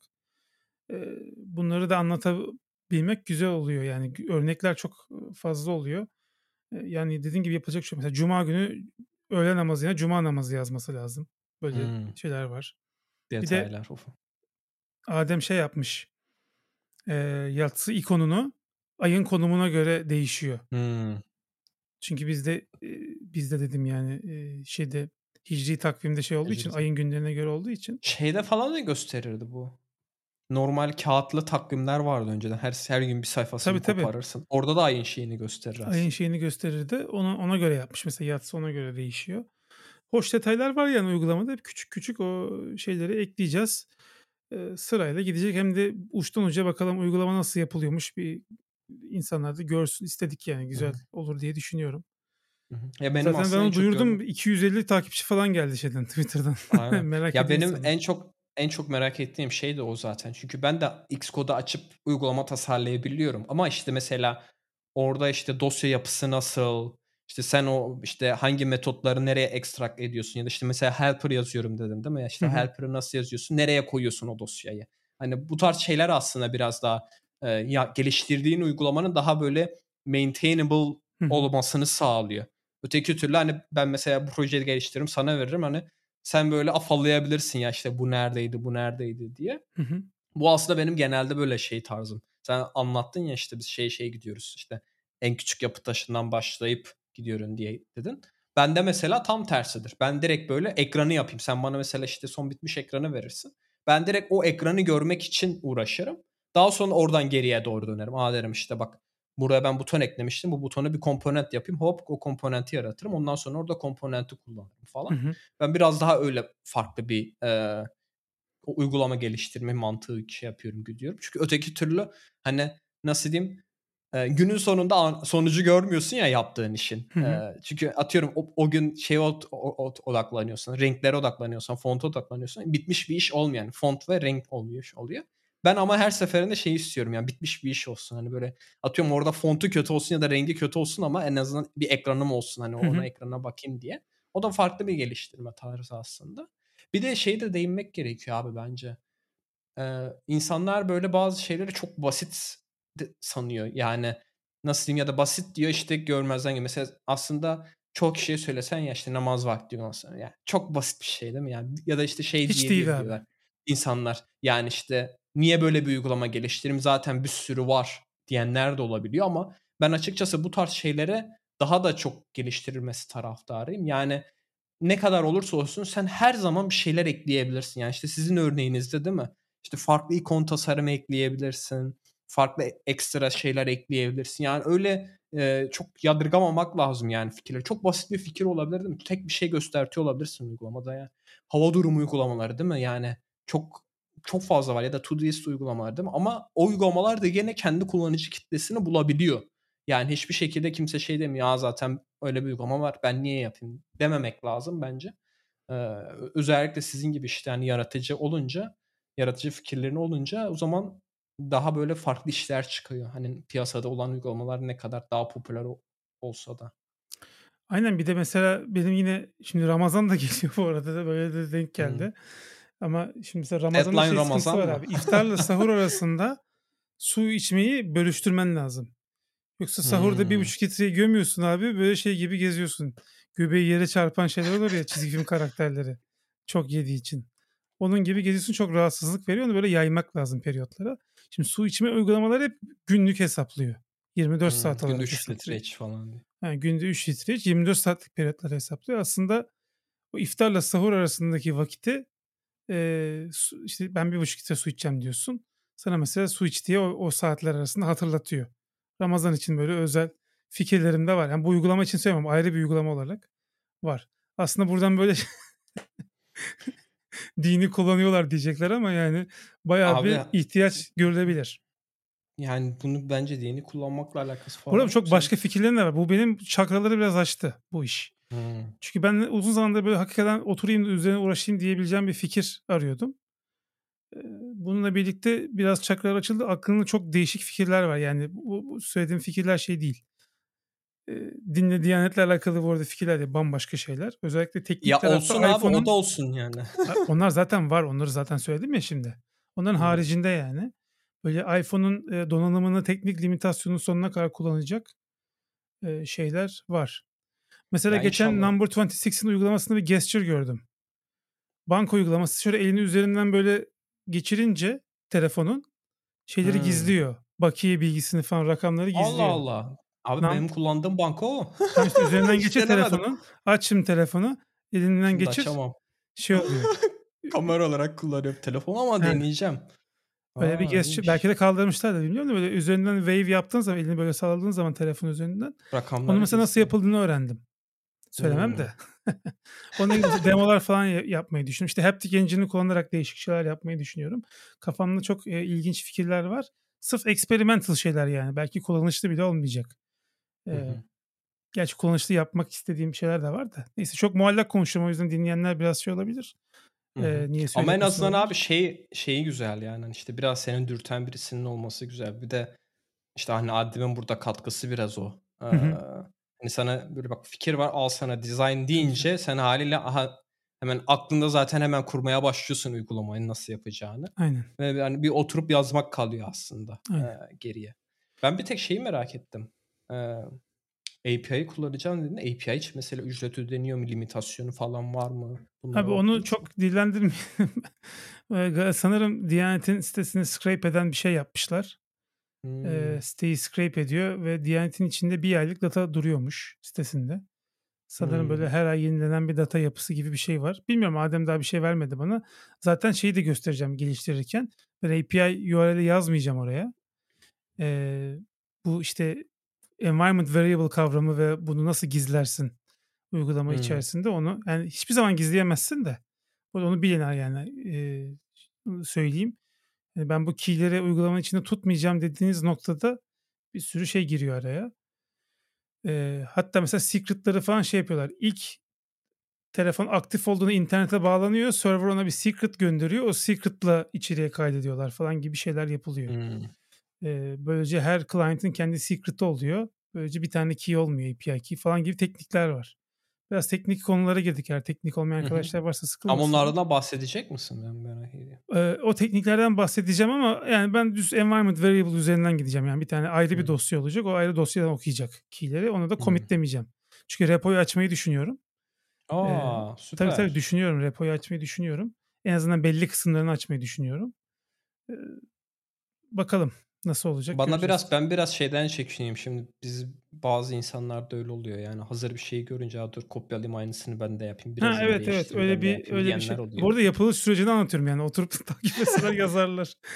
ya, ya aynen ama yani o biraz bana anlamsız geliyor. Yani bakın hani işte git kendine hani ekstra bir şey koy sen yap yani oradan senden bir şey kapsın değil mi? Tabii. Üzerine de bir şey koyup yapsın aynısını yapmaktan ziyade. Tabii ben orada işte teknikleri hani aslında vermeye çalışıyorum. Neticede böyle ama dediğim gibi uygulama geliştirir nasıl geliştirilir sorusunu sordun ya.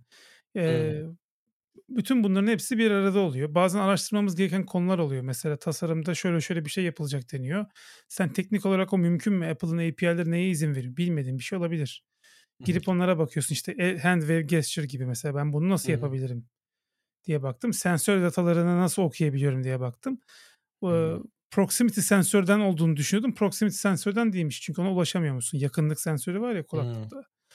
Onunla ölçülmüyormuş. Çünkü elinin hareketiyle olması gereken bir şey. Elini yaklaştırdığın zaman değil. Çünkü telefonu ha. kulağına koyabilirsin vesaire. Elini üzerinden geçirmen lazım. Onu olmuyormuş. Magnetic field hadi söyleyeyim bari. Magnetic field değişiyor diye tahmin Aa. ediyorum. Çok, çok deneysel şey yapmadım. Magnetic field şeyi varmış. iPhone 6'dan beri falan varmış bu arada. Aa, manyetik manyetik alan sensörüne ulaşabiliyor musun? Oradan yapıyorlar muhtemelen. Deneyeceğim bakalım. Bu, bu proximity sensörünü bahsedelim. O şey için kullanılıyor aslında. Sen telefon elindeyken, telefon ekranı açıkken yani e- ekranın ışığını görebiliyorken, ekranı görebiliyorken telefon çaldığında, telefonu konuşmak istediğinde otomatik olarak ekranı kapatıyor ki sen kulağınla Aynen. dokunma diye. Başka ekranı. bir şey o proximity sensör e, aslında biraz Hatta bazen çalışmaz o. yani bazen telefonu kapatırsın. Aynen, aynen. Ama ben gerçi çok konuşmuyorum ben telefonda. Yani şimdi native uygulama geliştirme konusuna gelince bak sensör datası alıyorum, onu yapıyorum, bunu yapıyorum, hmm. Swift UI kullanıyorum. O süreci de görsünler istiyorum yani. Aslında app geliştirmek özellikle tek ekranlı bir app olduğu için şey vakitler. Hı hı. uygulama ismi vakitler bu arada o şekilde kullanabiliriz, şey yapabiliriz yani. Animasyon düşündün mü hiç? Adem bir şeyler yapmış animasyon web versiyonunda. Web versiyonu burada var, var yayında var. Onun da linkini koyarız. Ee, ona benzer bir şeyler yapacağım bakalım. Hmm. Animasyon çok animasyonlarda var kafamda. aynen çok atraksiyon yapabiliyorsun çünkü Şimdi bir delilik yapma niyetim var. Delilikten kastım şu. Şimdi bu vakitleri Adem renklerini vakite göre değiştirmiş. Yani bir baskın renk var ikonlarda bir ikincili hmm. renk var. Ve vakite göre o baskın renk ve ikincili renk değişiyor. Şimdi iOS'te bir PNG ikonun üzerine renk atabiliyorsun. Hmm. Ama iki renk birden atamazsın. Yani şöyle olabilir. O ikinci rengin opasitesi düşük olur. Rengi atarsan o düşük opasiteyi de gösterir. PNG'nin alfa channel'ını kullanır. Ee, çok teknik konuştuk ya. Neyse. Yo. Ee, o, onu yapabilirsin ama benim niyetim paint kodla ikonları kodla çizdirmek. Böylece Oo. renkleri değişken olarak atayıp onunla yapmak. İstediğin gibi değiştirebilirsin. Aynen. Bir de mesela yatsı vakti girdiği zaman mesela şöyle ayı şöyle bir döndürmek istiyorum. Aa. Böyle değişik fikirler var aklımda. Şimdiden Hı-hı. söyleyeyim. Onların da süreçlerini burada yine kaydedeceğim yani paylaşacağım animasyona nasıl yaklaşıyorum. Çok iyi. Ee, bu şekilde. Çok iyi. Şu anda da UI şeye... bitti çoğu, çoğu oranda. Sadece ince işçilikler kaldı. Ama şu an hmm. vakitler falan her şey listeleniyor. Hatta işte videonun son halini paylaştım. Bir şeyleri değiştiriyorsun parametreleri. Me- mevcut vakiti. Hemen arayüz kendisini güncelliyor. Onları yaptık. Süper. Süper. Ben şey yaparım. E, linklere senin YouTube kanalın linkini eklerim. E, merak edenler varsa en, en azından ben kesinlikle izlerim. Ya, benim kanalda böyle Swift UI'da şey uygulama şey geliştirme diye böyle 18 videoluk falan bir seri de var. Aynen. Sıfırdan Swift UI uygulaması geliştirmeyi ya da sıfırdan iOS ekosistemini anlatıyorum Swift UI üzerinden. Hı hı. Ya Ona çok büyük bir ekosistem yani ben aslında hani bu yüzden çok. biraz uzun uzun konuşalım istedim. Yapabileceğin şey çok fazla. Arkanda işte destek çok fazla. Atıyorum Apple sizin bu uygulamayı mesela App Store'da featured yapsa, öne çıkarsa bambaşka şeyler. Belki bilmiyorum şeye de oynar mısınız? Design e, ödüllerine, tasarım ödüllerine Yok abi ben Apple'ın namaz vakitleri uygulamasını zannetmiyorum. Abi olabilir yani neden olmasın yani oradaki işte senin o detay mesela ayı döndürme detayı işte renk detayı falan Apple bu tarz şeyleri seviyor yani. Tam da ödül alacak kadar değil abi yani geçen sene ha, Halide'ye falan verdiler koskoca kamera epi yani. Ama ya o da doğru ama bilmiyorum ya ben hani olabilir yani gibi geliyor. Bir de işte dediğim gibi yani çok fazla potansiyel var yanlış bilmiyorsam yani bir, 1 milyar 1 milyar aktif iPhone cihazı var diye biliyorum. Tabii ki. 2 milyar da Apple cihazı var totalde hani. Apple Watch'udur, iPad'dir falan filan şey yaparsan e, dahil edersen. Bilmiyorum iPad iPad'de yapacak mısınız uygulamayı? Ee, şu an için çok yok planlarımda ama e, ileride olabilir. Çünkü iPad'in kullanımı çok düşük abi. Abi kullanımı çok düşük ama işte bak. %1 falan mesela, yani. Apple bile şey yapmadı. Ee, hesap makinesini hala getirmedi iPad'e. Burada Swift UI iPad'e yapmak o kadar kolay ki. Hmm. Swift UI ile geliştirirken iPad'e yapmak çok kolay. Çünkü sadece yeni layout yapıyorsun ve bir if koyuyorsun. If iPadOS diyorsun bitti yani. O layout çalışıyor. Aynen. Data modeli falan her şey aynı kalıyor. Tamam. Ya işte o yüzden ben biraz dedim uzun uzun konuşalım. Hani bir uygulama yapıp milyarlarca kişiye ulaşabilsin ki sizin durumda en az bir milyar vardır belki değil mi yani? Ee, hani Müslüman olup e, tüm dünyada hani namaz vakitlerini takip eden bilmiyorum gerçek rakamları atıyor da olabilirim de yani en azından yüz milyonlarca insan vardır hani hedef kitle olarak çok basit bir uygulama bile olsa e, böyle şeyleri aslında geliştirmek lazım yani ben de dediğim gibi ben de çalışıyorum bir tane iOS uygulaması üzerine ama benimki de gene tek ekranlı ben muhtemelen senin gibi oturup da anlatamam. Ama yardımcı olurum yani takılırsan. Ben... Yani, aynen eyvallah. Bir pair programming yapalım seninle ya. Şu MapKit üzeri MapKit için. Tamam. Peki o zaman e, buradan da e, gene işte hani YouTube, iOS programlama eğitimi vesaire konuşuyoruz. Aslında biraz da e, gerçek eğitim e, sistemi üzerine konuşalım dedim. Hı hı. Çünkü ben şu sıralarda gene e, çevremdeki insanlardan duyuyorum. Ya bu özel okula şu kadar para istediler. Yani benim dudağım çıkıyor açıkçası o paraları duyunca. Şu an 250 bin falan da, galiba okullar. Yani abi yani benim aklım almıyor. Yıllık 250 bin TL e, ne bileyim anaokuluna veriyorsun falan böyle. O yüzden ben biraz şeyi konuşalım istedim ya böyle hani ülkenin eğitim sistemi şudur falan filan filan değil de biz nasıl hani oturup bir eğitim sistemi tasarlasak yani işte nelerin olmasını isterdik. Biraz böyle hani uçalım hmm. kaçalım istiyorum. Onları düşünelim dedim. Yani ben mesela işte böyle geriye dönüp baktığımda hani ilkokuldan itibaren değil mi? Yani benim şu anda işime yarayan şeyler nelerdi, öğrendiğim şeyler nelerdi onları böyle biraz düşündüm kayıttan önce. İşte hep şeyi düşünüyorum yani işte başlangıçta okuma yazma okey değil mi? Yani hani kesinlikle kesinlikle olması gereken bir şey. Ama daha sonra böyle sınıf atladıkça sanki bize biraz daha böyle e, çok hayatında kullanılmayacak şeyler öğretiliyormuş gibi geliyor. Yani ben mesela şeyi anlayabiliyorum bazen işte Türkiye'deki nehirler, Türkiye'deki dağlar falan. Hani bunları böyle kağıt üzerinde öğrenmek bir yere kadar çünkü ben mesela hepsini unutuyorum yani hiçbir şekilde aklımda kalmıyor. Ama sen bana mesela gidip göstersen bak Mert işte burası Van Gölü'dür değil mi? Yani gidiyorsun görüyorsun aa tamam o zaman anlıyorsun işte Türkiye'de Van Gölü diye bir şey var değil mi işte şu şu şu dağı var gidiyorsun görüyorsun. Öteki türlü yani ezbere gidiyor. Ee, bu tarz şeyleri düşünüyordum. Bilmiyorum senin de daha önce e, çünkü sen aslında sen muhtemelen benden daha çok kafa yormuşsundur. E, oğlun olduğundan dolayı aslında okula baş, okula gidiyor. E, her gün düşünüyorsundur. Önce sana atayım topu o yüzden neler böyle olmasını isterdim bir e, mesela o, senin oğlunun eğitimde neler olmasını isterdin? Evet. Yani ben Neler farklı eğitim sistemleri Amerika'daki eğitim sisteminden biraz bahsetmiş miydim ben podcast'te?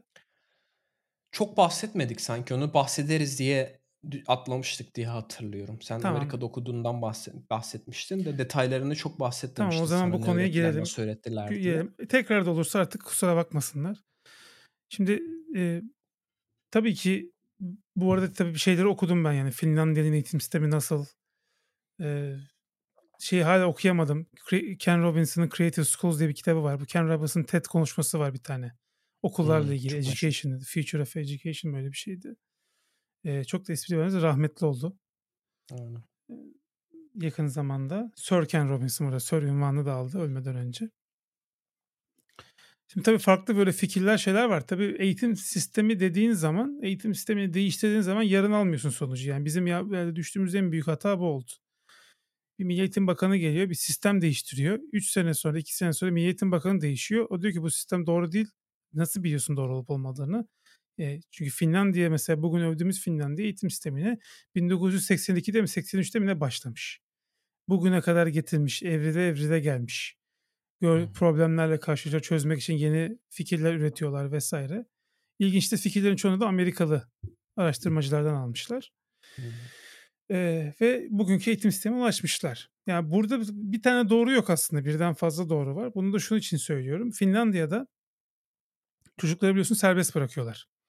Yani teneffüsler daha fazla. Çocuklar kendi başlarına oynuyorlar. Eğitim e, eğitim dediğim yani anlatım teori kısmı daha e, oransal olarak daha düşük. Bir de çocuğu öncesinde gözlemleyip neye yatkınlığı varsa ona göre bir e, eğilimle gidiyorlar. Matematiğe merakı varsa, yatkını varsa daha matematik ağırlıklı dersler görüyor.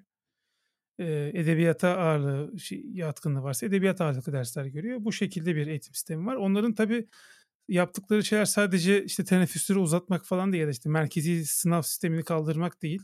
Onlar da var tabii işin içerisinde. Onlardan da bahsediyoruz ama herkes şey der mesela Türkiye'de çok zor. Merkezi eğitim sistemi, sınav sistemi olmadan nasıl edeceksin insanları diyor. Onun da yolları var bu arada ama Eee, Finlandiya'da şöyle bir şey yapmışlar. Her öğretmene bir ark arkadaş öğretmen veriyorlar. Peer öğretmen. Hımm. Ve aynı okulda olmuyor peer öğretmenler. Başka okulda oluyorlar ve her hafta online olarak ya da işte yüz yüze neyse bu öğretmenler görüşüyorlar. Mesela diyor ki benim böyle bir çocuk var benim sınıfımda. Ona işte şöyle davrandım, böyle yaklaştım.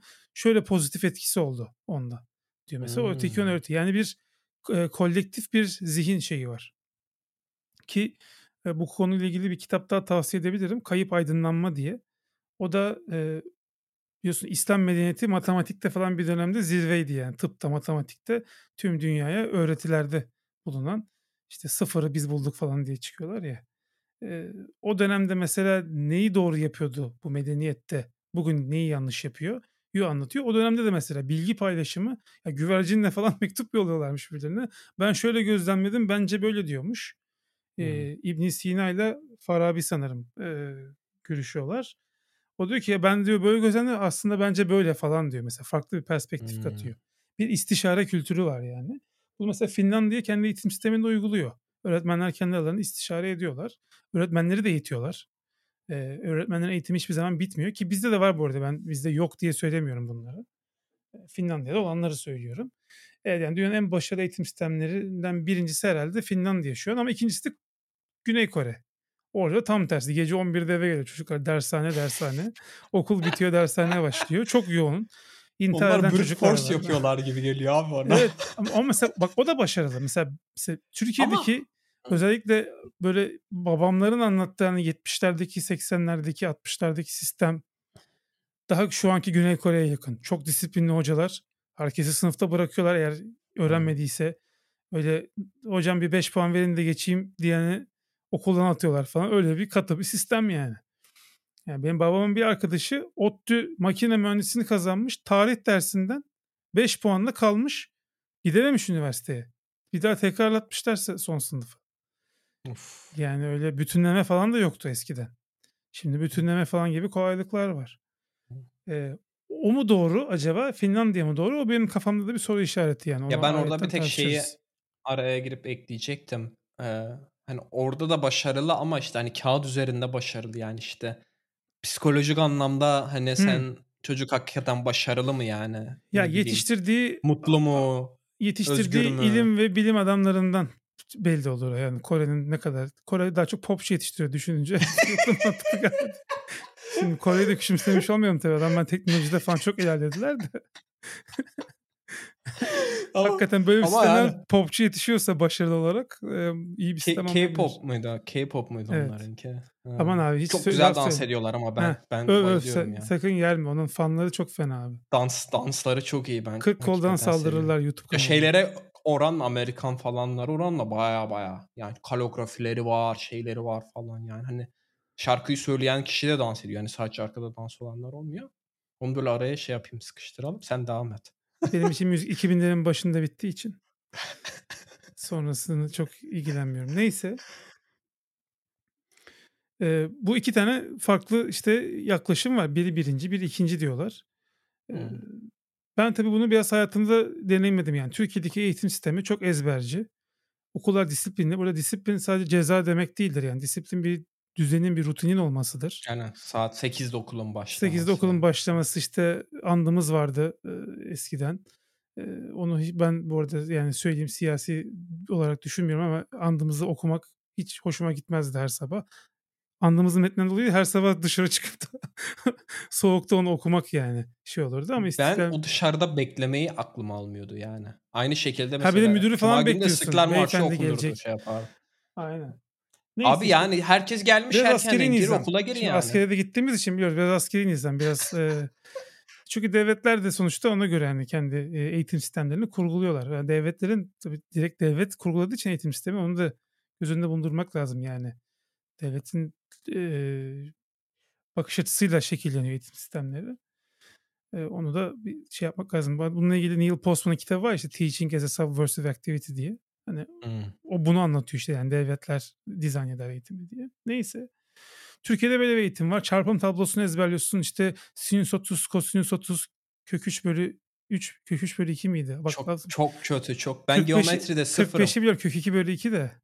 Öteki sıfırım neyse. ben. Ya bunları ezberliyorduk. Ee, tarihte işte İstanbul'un fethinin sebepleri, sonuçları beşer madde ezberleyin soracağım diyordu hoca. Ben sınavdan hmm. 10 dakika önce zaten ezberim kuvvetli. Şöyle bir okuyordum. Şu an sor hatırlamıyorum sebeplerini ve sonuçlarını. Muhtemelen boğazların ya olması falandır abi, yani. benim benim mesela işte aklımı yani beni deli eden şey şu. Ben ne bileyim işte kaç saat geçirdim değil mi yani? Hani bunları ezberleyerek. Ya onun yerine bana ne bileyim abi bir marangozluk öğretseydilerdi keşke. En azından şu an mesela değil mi yani o marangozluğu yapardım yani. Hobi olarak da olsa yapardım. Şimdi onu olacak, yani, onun yerine gidip böyle saçma sapan şeyleri ezberliyorsun. O an ezberleyip geçiyorsun sonra Hı. da unutuyorsun ya. O, Zamanını boş harcıyorsun aslında. Anlatma ettim. Şimdi ben buradan zaten Amerika'ya geçeceğim. Türkiye'deki sistem bu şekildeydi. Sonra ben 12 yaşındayken yani 8. sınıftaydım. Erken başladım okula. Hesap yaparsanız kafanız karışmasın. 12 yaşındayken Amerika'ya New York'a taşındık biz ailecek. 9 Eylül'de. 2 gün sonra da 11 Eylül saldırısı oldu. O da ayrı bir anekdot olarak anlatayım. New York'tayken biz. Ama Manhattan'da Vay. değildik. Ha. Ee, neyse ben Gittim okula başladım orada. Amerikan Devlet Okulu'na bu arada. Ama hmm. çok büyük bir şans. Bu gerçekten bizim kuruladığımız bir şey değildi. Ee, ben e, arayan bakabilir. E, East Setauket diye bir yerde oturduk biz. Long Island'da, New York'ta. Manhattan 2 saatlik bir mesafede. Orada Paul John Jelinas Junior High School diye bir okula gittim. Ee, bayağı Amerikan okulları var ya filmlerde. Öyle bir okul. Hmm. O kadar büyüktü ki okul. Hatta geçen bir sosyal medyada şey gezmişti. Ha. Çocuklar basket sahası gösterdi. Dört tane. Bizim okul öyleydi işte. Göstertiyor, Aynen. şey göstertiyor. Yani Türkiye'deki... Abi Türkiye'de öyle üniversite yoktur bence. Yani ODTÜ kampüsü en büyük kampüs ama bizimki de bir Bilkent kadar falan vardı yani. Böyle söyleyeyim. Hmm. Ee, ama ilkokul. Yani ortaokul. Ortaokul bizimkisi. Hmm. Ya bizim de işte ormanımız vardı. Okulun ormanı vardı şey gibi Hogwarts gibi. Dört tane Amerikan futbolu sahası, iki tane beyzbol sahası, bir tane ya da iki tane futbol sahası. Zaten kapalı spor salonu, yüzme havuzu her şey var yani okulda.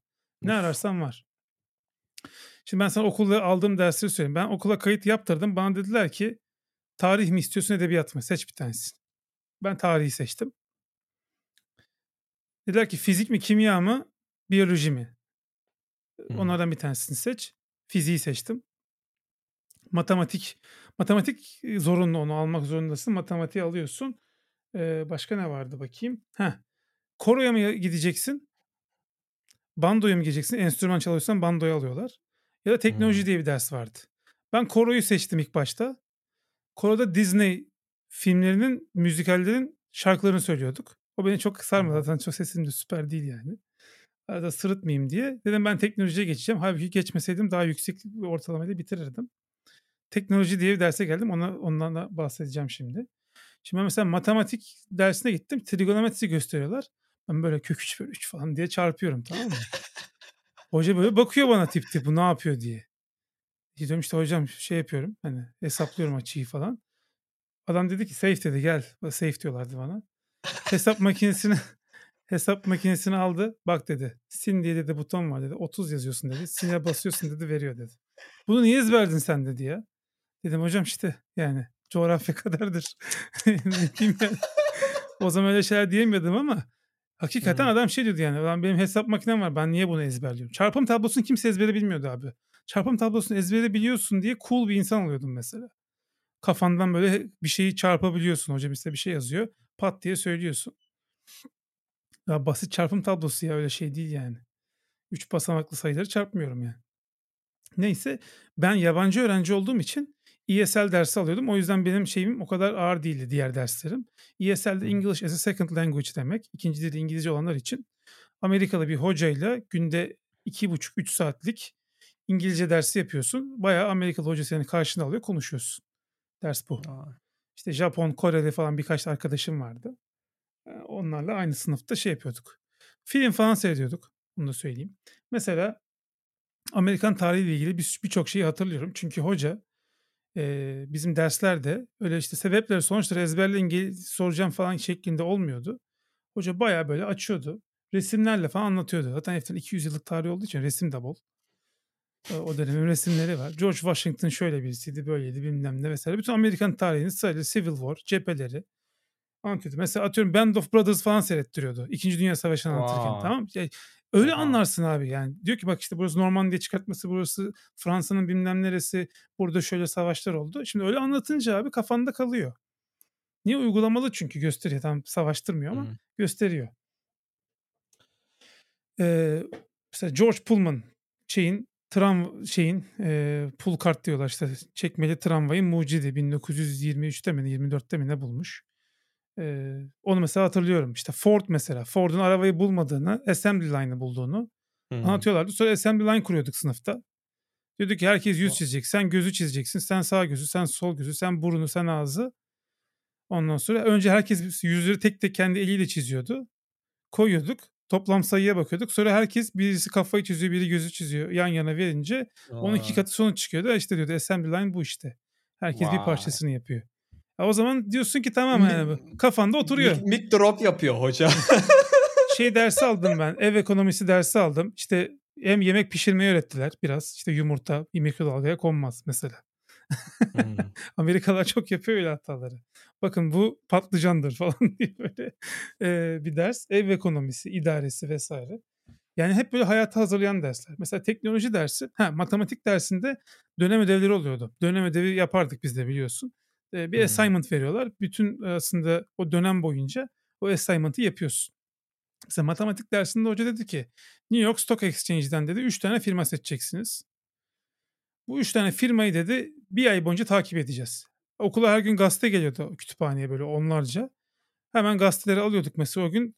Dün şu rakamdaydı, bugün bu rakamda. Bu bu, bu manaya geliyor. Oo. Onlara bakıyorduk mesela. İşte kimin tut, seçtiği şirket çok kazandırırsa o kazanıyordu mesela şey yapıyordu. Hmm. Ödül Orada alıyordu. şey hesaplıyorsun işte yüzdeyi falan öğreniyorsun herhalde yüzde hesaplamaları. Tabii yüzde işte. hesaplamaları işte oradaki o şeyler işte şirket bilançosu okumayı çok hafif yani gösterdiler onu çok detaylı göstermediler ama adam bak senin yani Yani borsaya çocuk 12 yaşında bak, bunu, bak bunu söyleyeyim 12 yaşındayım ha. Üniversitede lise değil yani. Ortaokul. Şimdi mesela teknoloji dersinde de dizayn öğrettiler bize. Tasarım öğrettiler. Teknoloji dersinde şöyle bir şey yapıyor. Hoca diyor ki sizin diyor bir inşaat şirketiniz var. Size diyor bir köprü projesi geldi. Köprü diyor yaparken kibritler ve bu Starbucks'taki şey karıştırıcılar var tahta kahve karıştırıcılar. Hmm. Onlardan yapacaksınız. Bir kibritin fiyatı 10 bin dolar. Bir tahta karıştırıcısının fiyatı da 100 bin dolar. Size 10 milyon dolar bütçe veriyorum. En az parayı harcayıp en sağlam köprü yapan 100 alıyor. İkinci Vay. 95 alıyor. Üçüncü 90 alıyor. Neyse işte 97,5 falan diye sınıfın adedine göre bölmüş.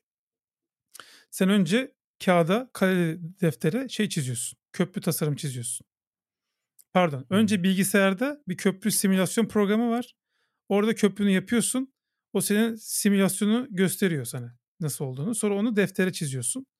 Defterin üzerine kibritleri yapıştırıyorsun. O kareli deftere çizdiğin yerlere. Sonra kibritleri ağaç tutla yerleştikten sonra birinci sayıda oluyor. Sonra hmm. aynısından bir tane daha yapıyorsun. ikinci sayıda oluyor. Sonra aralarına bayağı bildiğin köprü inşa ediyorsun yani. Ee, ve daha sonra hoca işte içerisinden araba geçiyor. Belli standartlar veriyor sana. Onlara uymak zorundasın. Çok ince yapamazsın. Çok dar yapamazsın. İki araba geçecek Malzemeden mesela. kısayım diye. Malzemeden yani. kısamazsın. Aynen. Böyle belli başlı sana requirement'lar veriyor. E bu ne abi? Biz şu an bugün uygulama geliştirirken de bunları kullanıyoruz. Elimizde Aynı requirement'lar var. Aynen. E, işte planlıyorsun, prototip yapıyorsun, deniyorsun oldu mu olmadı mı ve e, aynı zamanda da efektif bir şey çıkartmaya çalışıyorsun. Çünkü öteki türlü 50 tane kibrit konasın çok sağlam bir köprü olur. Neyse e, böyle şeyler veriyorlar. İşte bir tane tahta blok verdi mesela yine teknoloji dersinde. Dedi ki bir oyuncak yarış arabası yapacaksınız. Böyle bildiğin bir tane tahta blok var. Tahta atölyesi var okulun. Baya işte hmm. zımpara makineleri, testereler. Mesela adam şey demiyor bu parmağını keser falan demiyor yani. Giyiyorsun hmm. eldiveni giriyorsun testereye. Yani 12 yaşında bu çocuklar falan demiyor. İşte bir araba çizimi yapıyorsun kağıtlara. Sağ tarafına, sol tarafını, üstünü falan çiziyorsun. Bloğun üstüne yapıştırıyorsun. Sonra onu böyle fazlalıkları kesiyorsun. Eğimleri yontuyorsun. Yanından bakıyorsun. Tepeden bayağı sana böyle araba craft ettiriyor. Sonra abi arkasına bir tane matkapla delik deliyor arabanın. Bir de altına bir tane böyle kanca takıyorsun. Tekerlek falan da yapıyorsun. Kanca takıyorsun. Hmm. Onun da belli standartları var. Belli incelikte olacak, kalınlıkta olacak vesaire. Ee, sonra abi o bir tane Misina'dan böyle ip gelmiş şeye. Bir yarış parkuruna böyle dümdüz bir yarış parkuru. Ee, ucuna da böyle iki tane boru yapmış oksijen tüpü bağlamış. Tuşa basınca basınçlı hava veriyor. Senin arabalar o Misina'ya tutunduğu için raydan çıkmadan hmm. sonuna kadar gidiyor. İşte aerodinamiğini düzgün yapan hızlı gidiyor. Yapamayan yavaş gidiyor. Ona göre de yine 197,5 diye gidiyor. Ben ikinci olmuştum bu arada ama diskalifiye etmişti çünkü standartlara göre daha ince yapmıştım. Biraz elim fazla kaçtı yontarken inceldi. Hmm. Ee, sonra tekrardan da yapamadım. Neyse. Ee, işte boruları takıyorsun yarıştırıyorsun. Hem böyle bir rekabet oluyor. Hem bak arkadaşın ne yapmış. Ee, ondan teknikler farklı öğreniyorsun. Farklı fikirler alıyorsun. Yani hakikaten çok böyle zihni çalıştıran bir ders. Mesela e, yine çizim dersi de aldım bu arada. Hani portre falan çiziyorduk. Hani hep böyle hayata hazırlayan şeyler. Anlatmaya çalıştım şey. Biraz detaylı anlattım. İnsanlar da biraz Yo, böyle bence çok iyi iştahlansın oldu. diye de anlattım. E, tabii Amerika'daki bütün okullar böyle değil yani. Ben oranın en iyi okuluna denk geldim. New York'un en iyi ortaokulu seçilmişti. 8 sene üst üste. E, zaten yani biz oranın en fakiriydik öyle söyleyeyim. Çok varlıklı ailelerin olduğu bir, bir alandı. E, Long Island o bölge özellikle. O yüzden de hani okula da herhalde iyi bütçe geliyordu. Okul hem çok büyüktü hem çok kaliteli hocaları vardı, öğretmenleri vardı. Ve e, tabii ki beden eğitimi dersi vesaire onların hepsi vardı. Bir de okul sonrası kulüpler vardı. E, ben hem el işi kulübündeydim, Handcraft. Hem de hmm. Adventure Club vardı. Adventure Club'da dağa tırmanmayı öğreniyorduk. Orada işte komutlar, o iplerin, şeylerin, kilitlerin yapılması, hmm. gerilmesi. İşte çok yüksek bir ağaç vardı okulun arka tarafında. Ona tırmanıp işte iki ağaç arasında ip gelmişler. Orada yürüyordum falan. Arkadaşlar işte ger, gevşet falan gibi komutlar veriyorsun. Ee, ben dönmeden ya ben dön işte İstanbul'a tatile geldim. Yani geri dönebilseydim Amerika'ya dönemedim. Vizemizi iptal ettiler. O yüzden kısa sürede merak edenler varsa. e, dağa tırmanacaktık. Yani New York'un kuzeyinde dağlık bölgeler var. Orada kamp yapacaktık mesela bir hafta sonra. Hani kulübün şeyi o. Bu mesela seçebildiğin kulüplerden bir tanesi. El işi kulübünde de işte hep şey yapıyorduk. Ne bileyim işte dondurma çubuklarından, bezlerden işte çerçeve, merçeve falan gibi şeyler. Sonra e, her okulun el işi kulübüne Halloween'de Cadılar Bayramı'nda bir konsept veriyorlardı. Bize de Harry Potter düşmüştü. İşte Golden Snitch yaptık, büyücü şapkası yaptık, asa yaptık. Sonra işte bir okulda toplanılıyor. O dist, okul distriktinin içerisinde. Hmm. Ee, o okulun içinde bir odayı bize verdiler. İşte platform 9 3 quarter falan kapıya tabela yaptık. İçeri işte glow in the dark boyalarla bir şeyler falan filan. Neyse. Yani el işi işleri yapıyorsun. Hatta İranlı bir hocamız vardı. Böyle yani hani hep böyle aktiviteyle geçtiği için de ben hiç sıkılmıyordum şimdi Türkiye'deki okuldan oraya gidince. tamam Şimdi Amerikalılar falan üf okul falan diyorlar. Ulan sizin okulunuz güzel yani. Tamam mı? Gayet eğleniyorsunuz okulda. Zaten yarısı beden eğitimi dersi derslerin. Bir de biliyorsun spora çok önem veren bir ülke Amerika. O kadar e, olimpi- alıyorlar. O kadar olimpiyat Olur. aynen burs şeyi de var.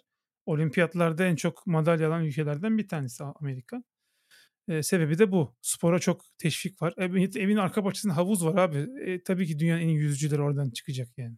Burada yüz bakalım yüzebiliyor musun? Tamam. Neyse e, böyle iki farklı kamp var. Yani benim tabii ki de ideal olarak düşündüğüm şey e, birincisiyle ikincisini karışım. Çünkü ikincisinde de şey var abi. Teori çok zayıf kalıyor. Evet hesap makinesinde sinüs 30'u ezberliyorsun da ne bileyim abi basit çarpım tablosunda bil yani.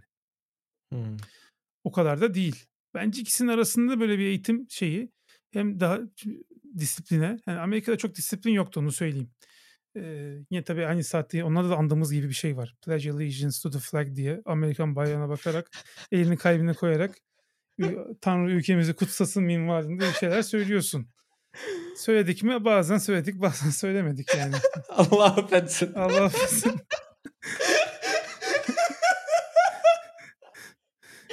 Neyse. Ee, böyle böyle yani e, ikisinin arasında bir eğitim sistemi güzel olabilir ama uygulama çok önemli. Mesela Finlandiya'nın yaptığı şey de o.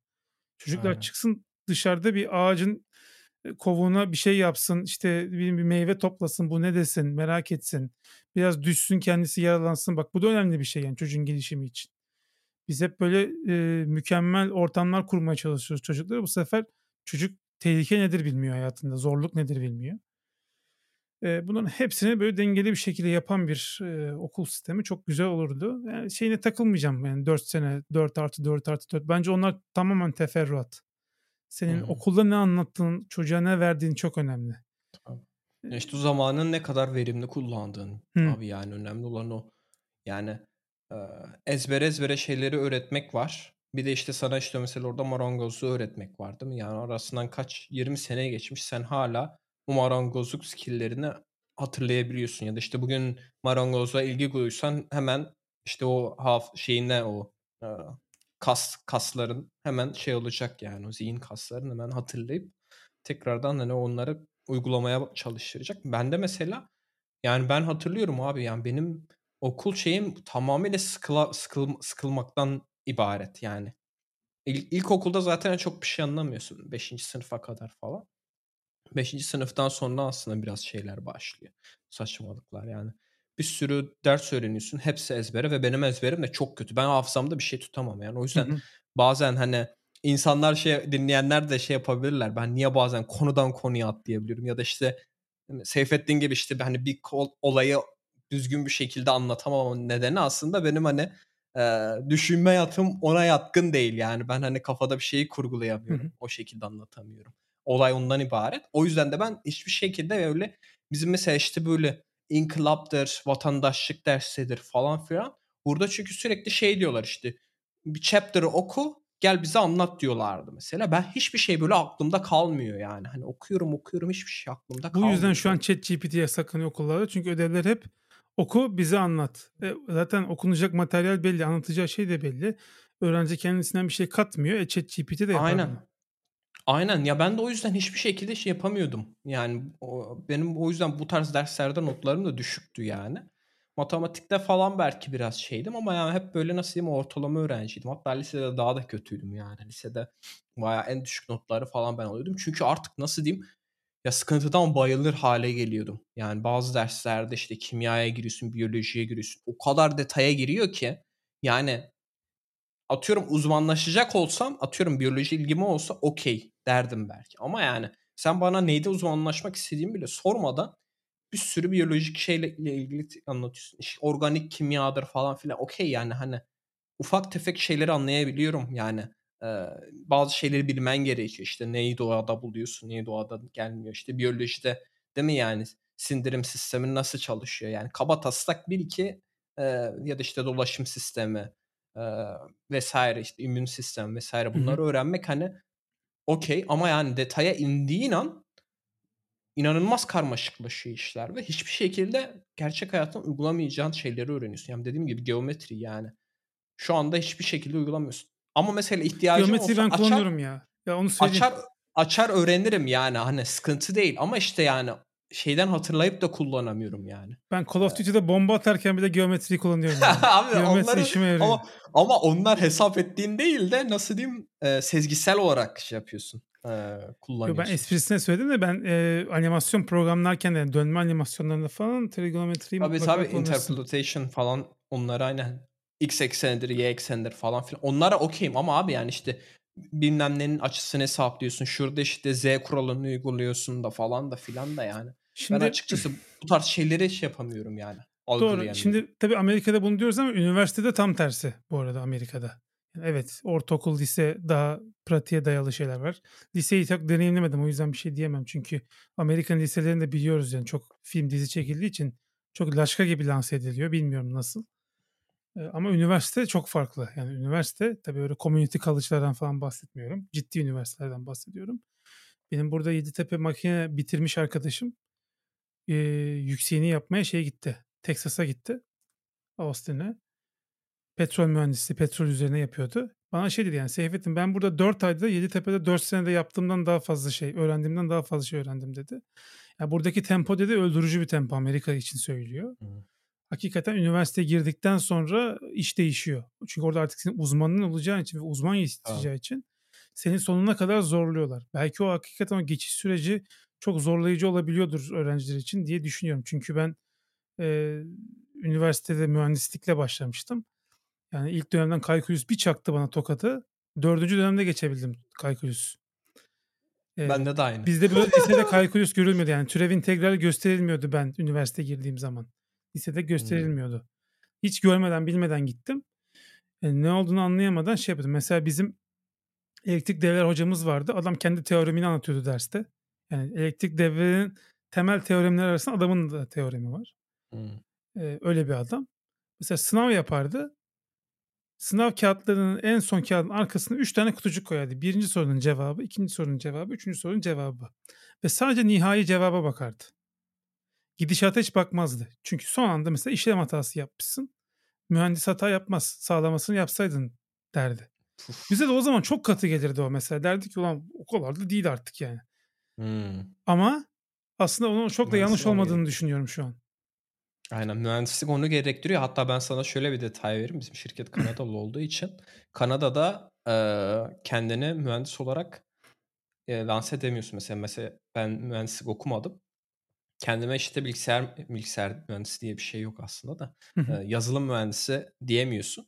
Onun için hakikaten mühendislik okuyup işte gerekli şeyleri alman gerekiyor ve orada sana abi mühendisliği diplomanı aldıktan sonra o şeyi sertifikayı mı diyeyim artık nesini aldıktan sonra sana bir tane yüzük veriyorlarmış. Hmm.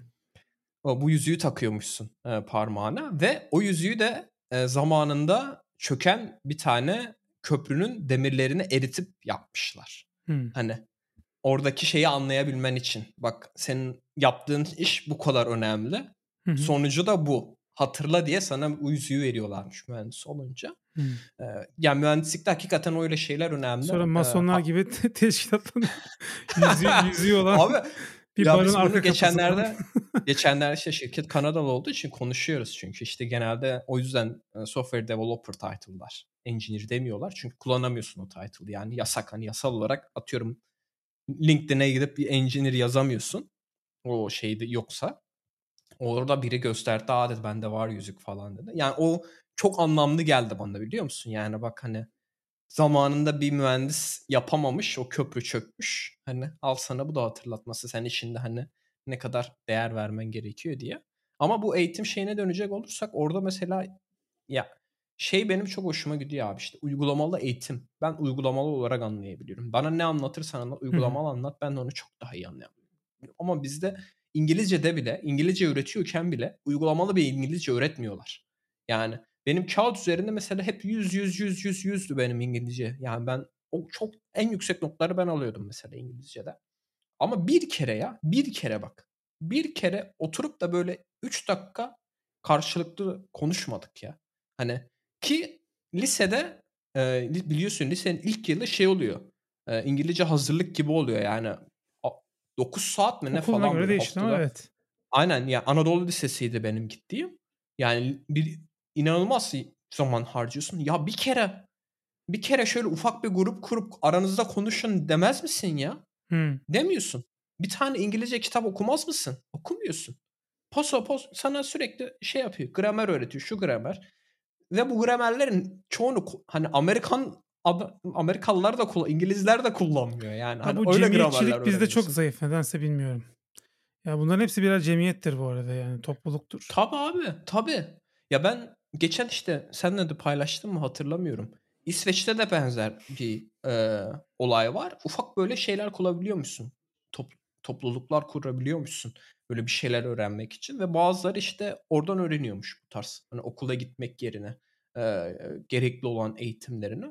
Yani açıkçası ben o yüzden hani biraz konuşalım. Çünkü yani ben hala gördüğüm, duyduğum kadarıyla değişen çok bir şey yok yani uygulamalı eğitime geçiş konusunda. Bazı özel okullar bir tık. Pilot o şeyler ee, falan yapıyorlar evet. Aynen pilot okula ya da işte böyle Alman okulları, Fransız okulları falan oluyormuş. Onlar da belki biraz daha farklı oluyor diye duydum. Ee, ama yani ona olması gerekiyor. O yüzden ben çok yani işte özel korkarak... okullarda uygulamayı veriyoruz deyip e, insanların parasını ha. alıyorlar tabii de işin o tarafı. Ha, asgari ücretle de öğretmene Kodlama dersleri. Yani. Çocuğunuz dünyadan geri kalmaz. Lan Scratch gösteriyorsun önce... bir tane tavşan zıplıyor iki kare yana kodlama öğrettim diyorsun. Gel Senin bakalım. Oyna... Çocuğa evde oynattığın oyun muhtemelen daha kompleks bir evet, şey. Evet abi benim yani? olan hani... Super Mario'da dörtlü combo yapıyor. Gelsin yapsın öğretmeni bakalım. Ya, abi, ya işte benim üzen şey şu. Hani sen mesela anlattın Amerika'da. E, ona para verdiniz mi? Ne? Aldığın o eğitimi. O, Yok. Okulda. Tamamen bedava. Heh. Heh. Şimdi sen burada mesela çuvalla para veriyorsun. O aldığın, senin bedava aldığın eğitime ki orada hani ne bileyim bizdeki gibi vergi mergi olayı da yok değil mi? Yani çok vergi vermiyorsun. Ama buradaki verdiğin çok yüksek miktar parayla bile aynı eğitim seviyesine ulaşamıyorsun. Ki bu da şeyden dolayı da değil. Nasıl diyeyim hani o eğitimi verebilecek kapasite insan olmaması gibi bir sıkıntı yok Türkiye'de yani. Senin o aldığın eğitimin aynısını verebilecek insanlar var.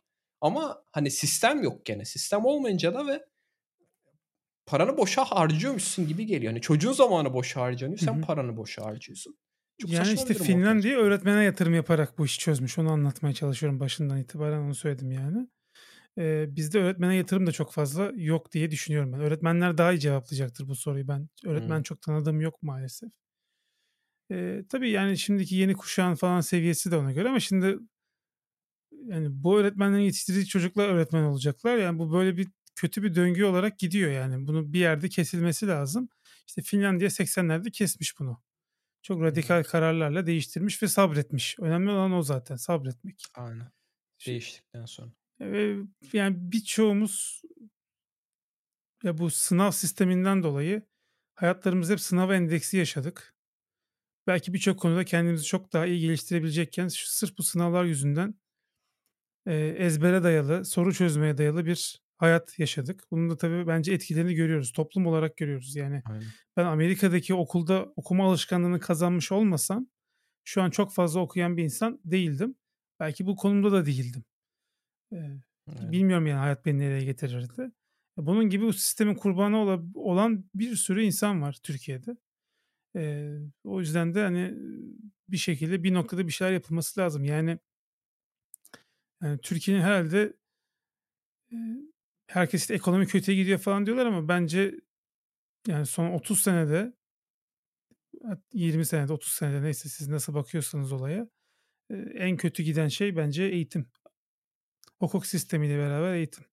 Ya aynen. Şeyi toparlarsın abi ülkenin ekonomisi kötüye gitsin toparlarsın. Yani matematik değil mi yani günün sonunda? E tabii Atıyorum, yani belli faizi yükseltirsin, şunu uygularsın, bunu uygularsın biliyorsun yani hani yeni bir şey değil ama eğitimde böyle bir şey değil yani.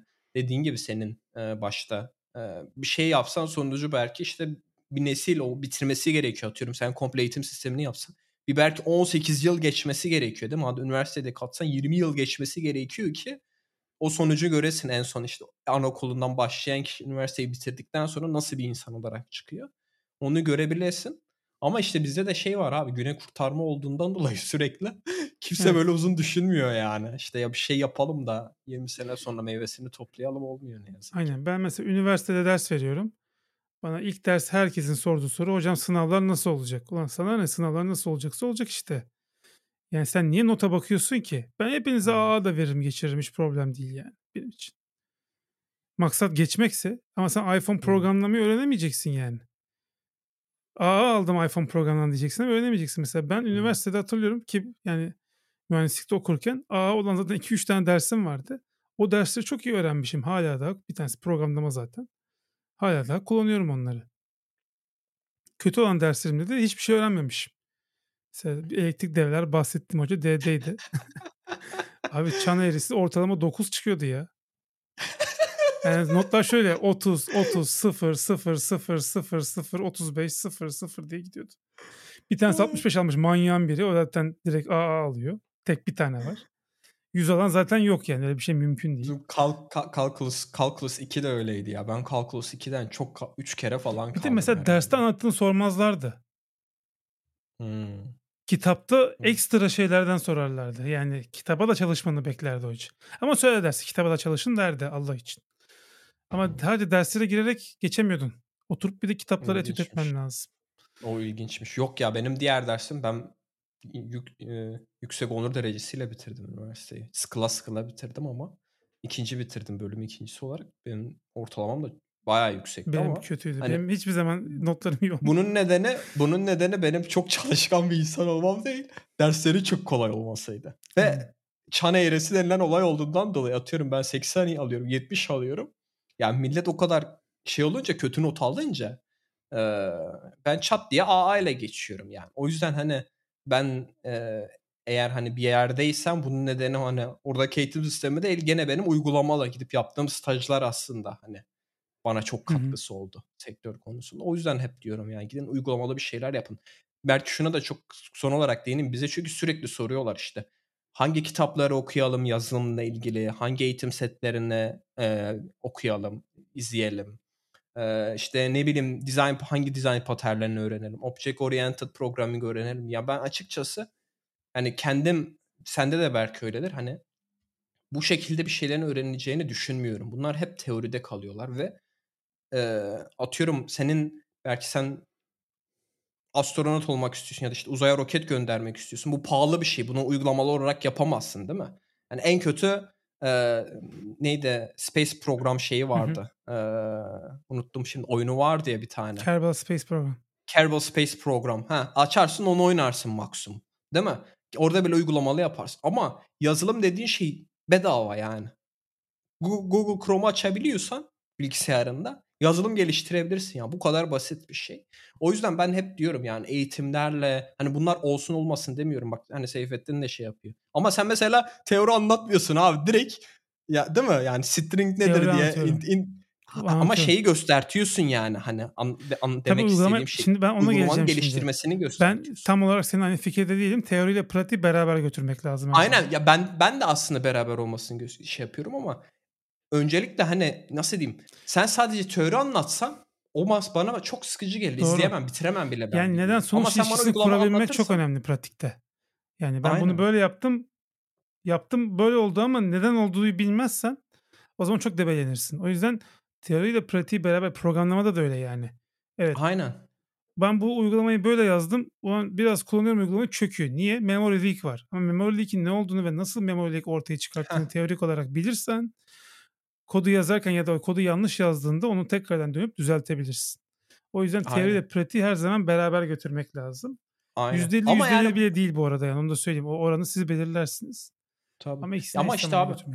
burada ben mesela şeyi demek istiyorum yani sen oturup bir kitap okuyup da ne bileyim bence e, programı geliştiremezsin yani. Açıp senin o Tabii. terminalde şeyde açıp o kodu yazacaksın. Ben mesela şeyde de böyle abi dedim ya bak işte Remix ben hiç kullanmadığım bir kütüphane.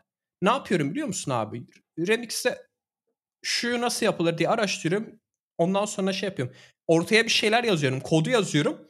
Ondan sonra şey diyor işte burada şu fonksiyonu kullanacaksın. Açıyorum Remix'in web sayfasının dokümantasyonu nedir? Okuyorum Tabii. abi teorisini. Ha diyorum anlıyorum. Oradaki or- örneğe bakıyorum ondan sonra. Ondan sonra uyguluyorum. Yani yazılım bu şekilde geliştirir bence. Evet. Yani sen atıyorum Ruby programlama kitabını alırsın, okursun, bitirirsin. Ben öyle yaptım Ondan işte. sonra ondan sonra gidip Ruby bence yazmaktan ziyade yazamadım ki. Sen dersin ki, ha yazamadın mı? ben Ruby kitaplarını yalayıp yuttum Rails kitaplarını. İlk işe girdim işte PromoCube'de. Dediler ki şöyle bir şey yaz. Tamam dedim. iki gün sürdü. ya yani işte, 15 dakikalık iş ha. Aynen. Bak teoriyi Onu... biliyorum. Ama pratik başka bir şey. Kesinlikle. Ben onu demek isteye çalışıyorum. Yani siz açıp kodu yazacaksın. Bir şeyler yapmaya başlayacaksınız. Ondan sonra diyeceksin ki sorunla karşılaşacaksın. Kesinlikle bir sorunla karşılaşacaksın. Hangi seviyede olursan ol kesinlikle hani kod yazarken bir sorunla karşılaşacaksın. Ondan sonra diyeceksin ki bu sorun neymiş? Araştıracaksın. Sorunu çözdükten sonra dönüp tekrar uygulayacaksın. Devam edeceksin. Yani Hı. yazılım geliştirme döngüsü budur. O yüzden yani hani onları da cevaplamış olalım istedim. Hani bize soranlar oluyor işte. Hangi kitaplar, hangi eğitim setleri falan filan diye. O yüzden diyorum. Aklınıza bir fikir mi var? Direkt nasıl kendi blog sistemini yazarım? Direkt Google'dan aratıyorsun. İlk çıkan sonuca giriyorsun. Sana orada uygulamayı gösterdiği aynısını yapıyorsun. Ve daha sonra diyorsun ki ben bunu nasıl değiştirebilirim? Nasıl daha custom Şimdiki nesillerin kafasında chat GPT'ye sormak var. Böyle bir uygulamayı nasıl geliştiririm? De ChatGPT her zaman doğru sonuç vermiyor. Ben birkaç defa soran arkadaşların koduna baktım. Yok daha o noktada değil yani. Sizde de şey yapanlar oluyor mu senin öğrencilerinden? Kullanıp sana gelenler. Oldu mu bilmiyorum daha. Sınavlarda ya da Yok da ödevlerde falan. O seviyede değiliz de bu sene belli olur. Bu dönem belli olur. Ya yani tamam yapsınlar ChatGPT'den bakıyor. Ben mecbur veriyorum çünkü çocukların Mac'i yok. Hmm. Mac laboratuvarı var okulda ama okula ulaşamıyorlar. Uzaktan eğitim kararı da çıktı ya bu dönem. Hmm. O yüzden ancak araştırma ödevi veriyor. iOS ile ilgili bir konuyu araştırıp geliyorlar. Normalde ellerinde Mac olsa ben onları iş yaptırırım. Hmm. Proje ya bence yaptırırım. Sınav yaparım. Aynı, aynı zamanda proje yaptırırım. Ya ben geçen dönem sınav yaptım yarısı kaldı. ben şeyde abi sürekli diyorum. Gülerek söylüyorum okulda. şeytan olduğum için de çok basit bir sınavdı ama yani yüz alan da var içeride. Hmm. Bir, birkaç tane yüz alan varsa sınav zor değildir. Tabii. Ya ben okulda abi hocaları hep söylerdim. Hocam sınav yapmayın bize proje verin derdim yani. Sınav yapmayın proje verin. Diğer öğrenciler hep Bunu şey yapar. O Mert zor. gene bize gene bize iş çıkartıyorsun. Projeyi iş değerlendirmesi zor. Kriterlerin olsa bile değerlendirmesi zor. Çok zor. Abi ama işte gene de onu yani yapması Bir de hepimiz şey. insanız. Şimdi öğrencilerin bazıları kendi yüzlerini gösteriyorlar. Sınıfta bir tanesi hepsi bütün derslere geliyor. Biliyorsun çocuk gayretli çabalı. Şimdi onun projesini değerlendirirken çok da iyi bir proje vermemiş mesela. Hiç dersi tek tük gelen arkada benim öğrencilerimden var. Eşkıya dünyaya hükümdar olmaz seyrediyor. Sesli iMac'te açmış dizi seyrediyor adam. Burada şikayetçi olumdan değil yani kendi eşekliği ben hiç takmam. Hatta bir kere Adem benim dersime gelmişti. O çıktık dersten oğlum herifler arkada dizi seyrediyor sen nasıl konsantre oluyorsun falan dedi. Dedim ha ben anlatacağım şey belli. Ben çıkar anlatırım. Dinleyen dinler, dinlemeyen Vallahi dinlemez. Ben, ben olamazdım. Ben olamazdım ya. Sen iyi sabrediyorsun. Ben ben hiç şey yapmam. Çünkü ben hocalarla çok kavga ettim üniversitede. Hmm. Bir tane Python hocası kalem attı. Ben uyuyormuşum derste. ben uyuyorsam hocanın kabahatidir onu söyleyeyim. Demek ki yani Python'u bana ilgi çekici şekilde anlatamamış. Kafamı sıyırdı. Böyle kafamın üstünden sıyırdı. Arkadaşlar dürttü. Uyandım. Dedim dua et o kalem benim suratıma gelmedi. Hmm. Gelseydi görürdüm ben seni. Ben de öyle bir deli şeyi var. Çok olaylarım var benim üniversitede ya. Çok kavga ettim. Abi yani bilmiyorum. Bence olması... Çünkü abi üniversitede hocaların asistanları falan da var yani. Ee, Ama mesela babamlar falan yapamazmış. Mesela babamı dövermiş hoca. Gelirmiş okula. Babaanneme dermiş ki hoca beni dövdü. Kim bilir ne yaptı eşşoğlu eşek dermiş yani. Profanity'ye giriyor mu bu? Girmiyor herhalde. Yok girmez. Ha. Artık YouTube'da girmiyormuş bunlar Profanity'ye. Hafif küfürleri artık e, monetization hmm. engeli kalkmış. Hmm, iyi. Bir şey olmaz herhalde.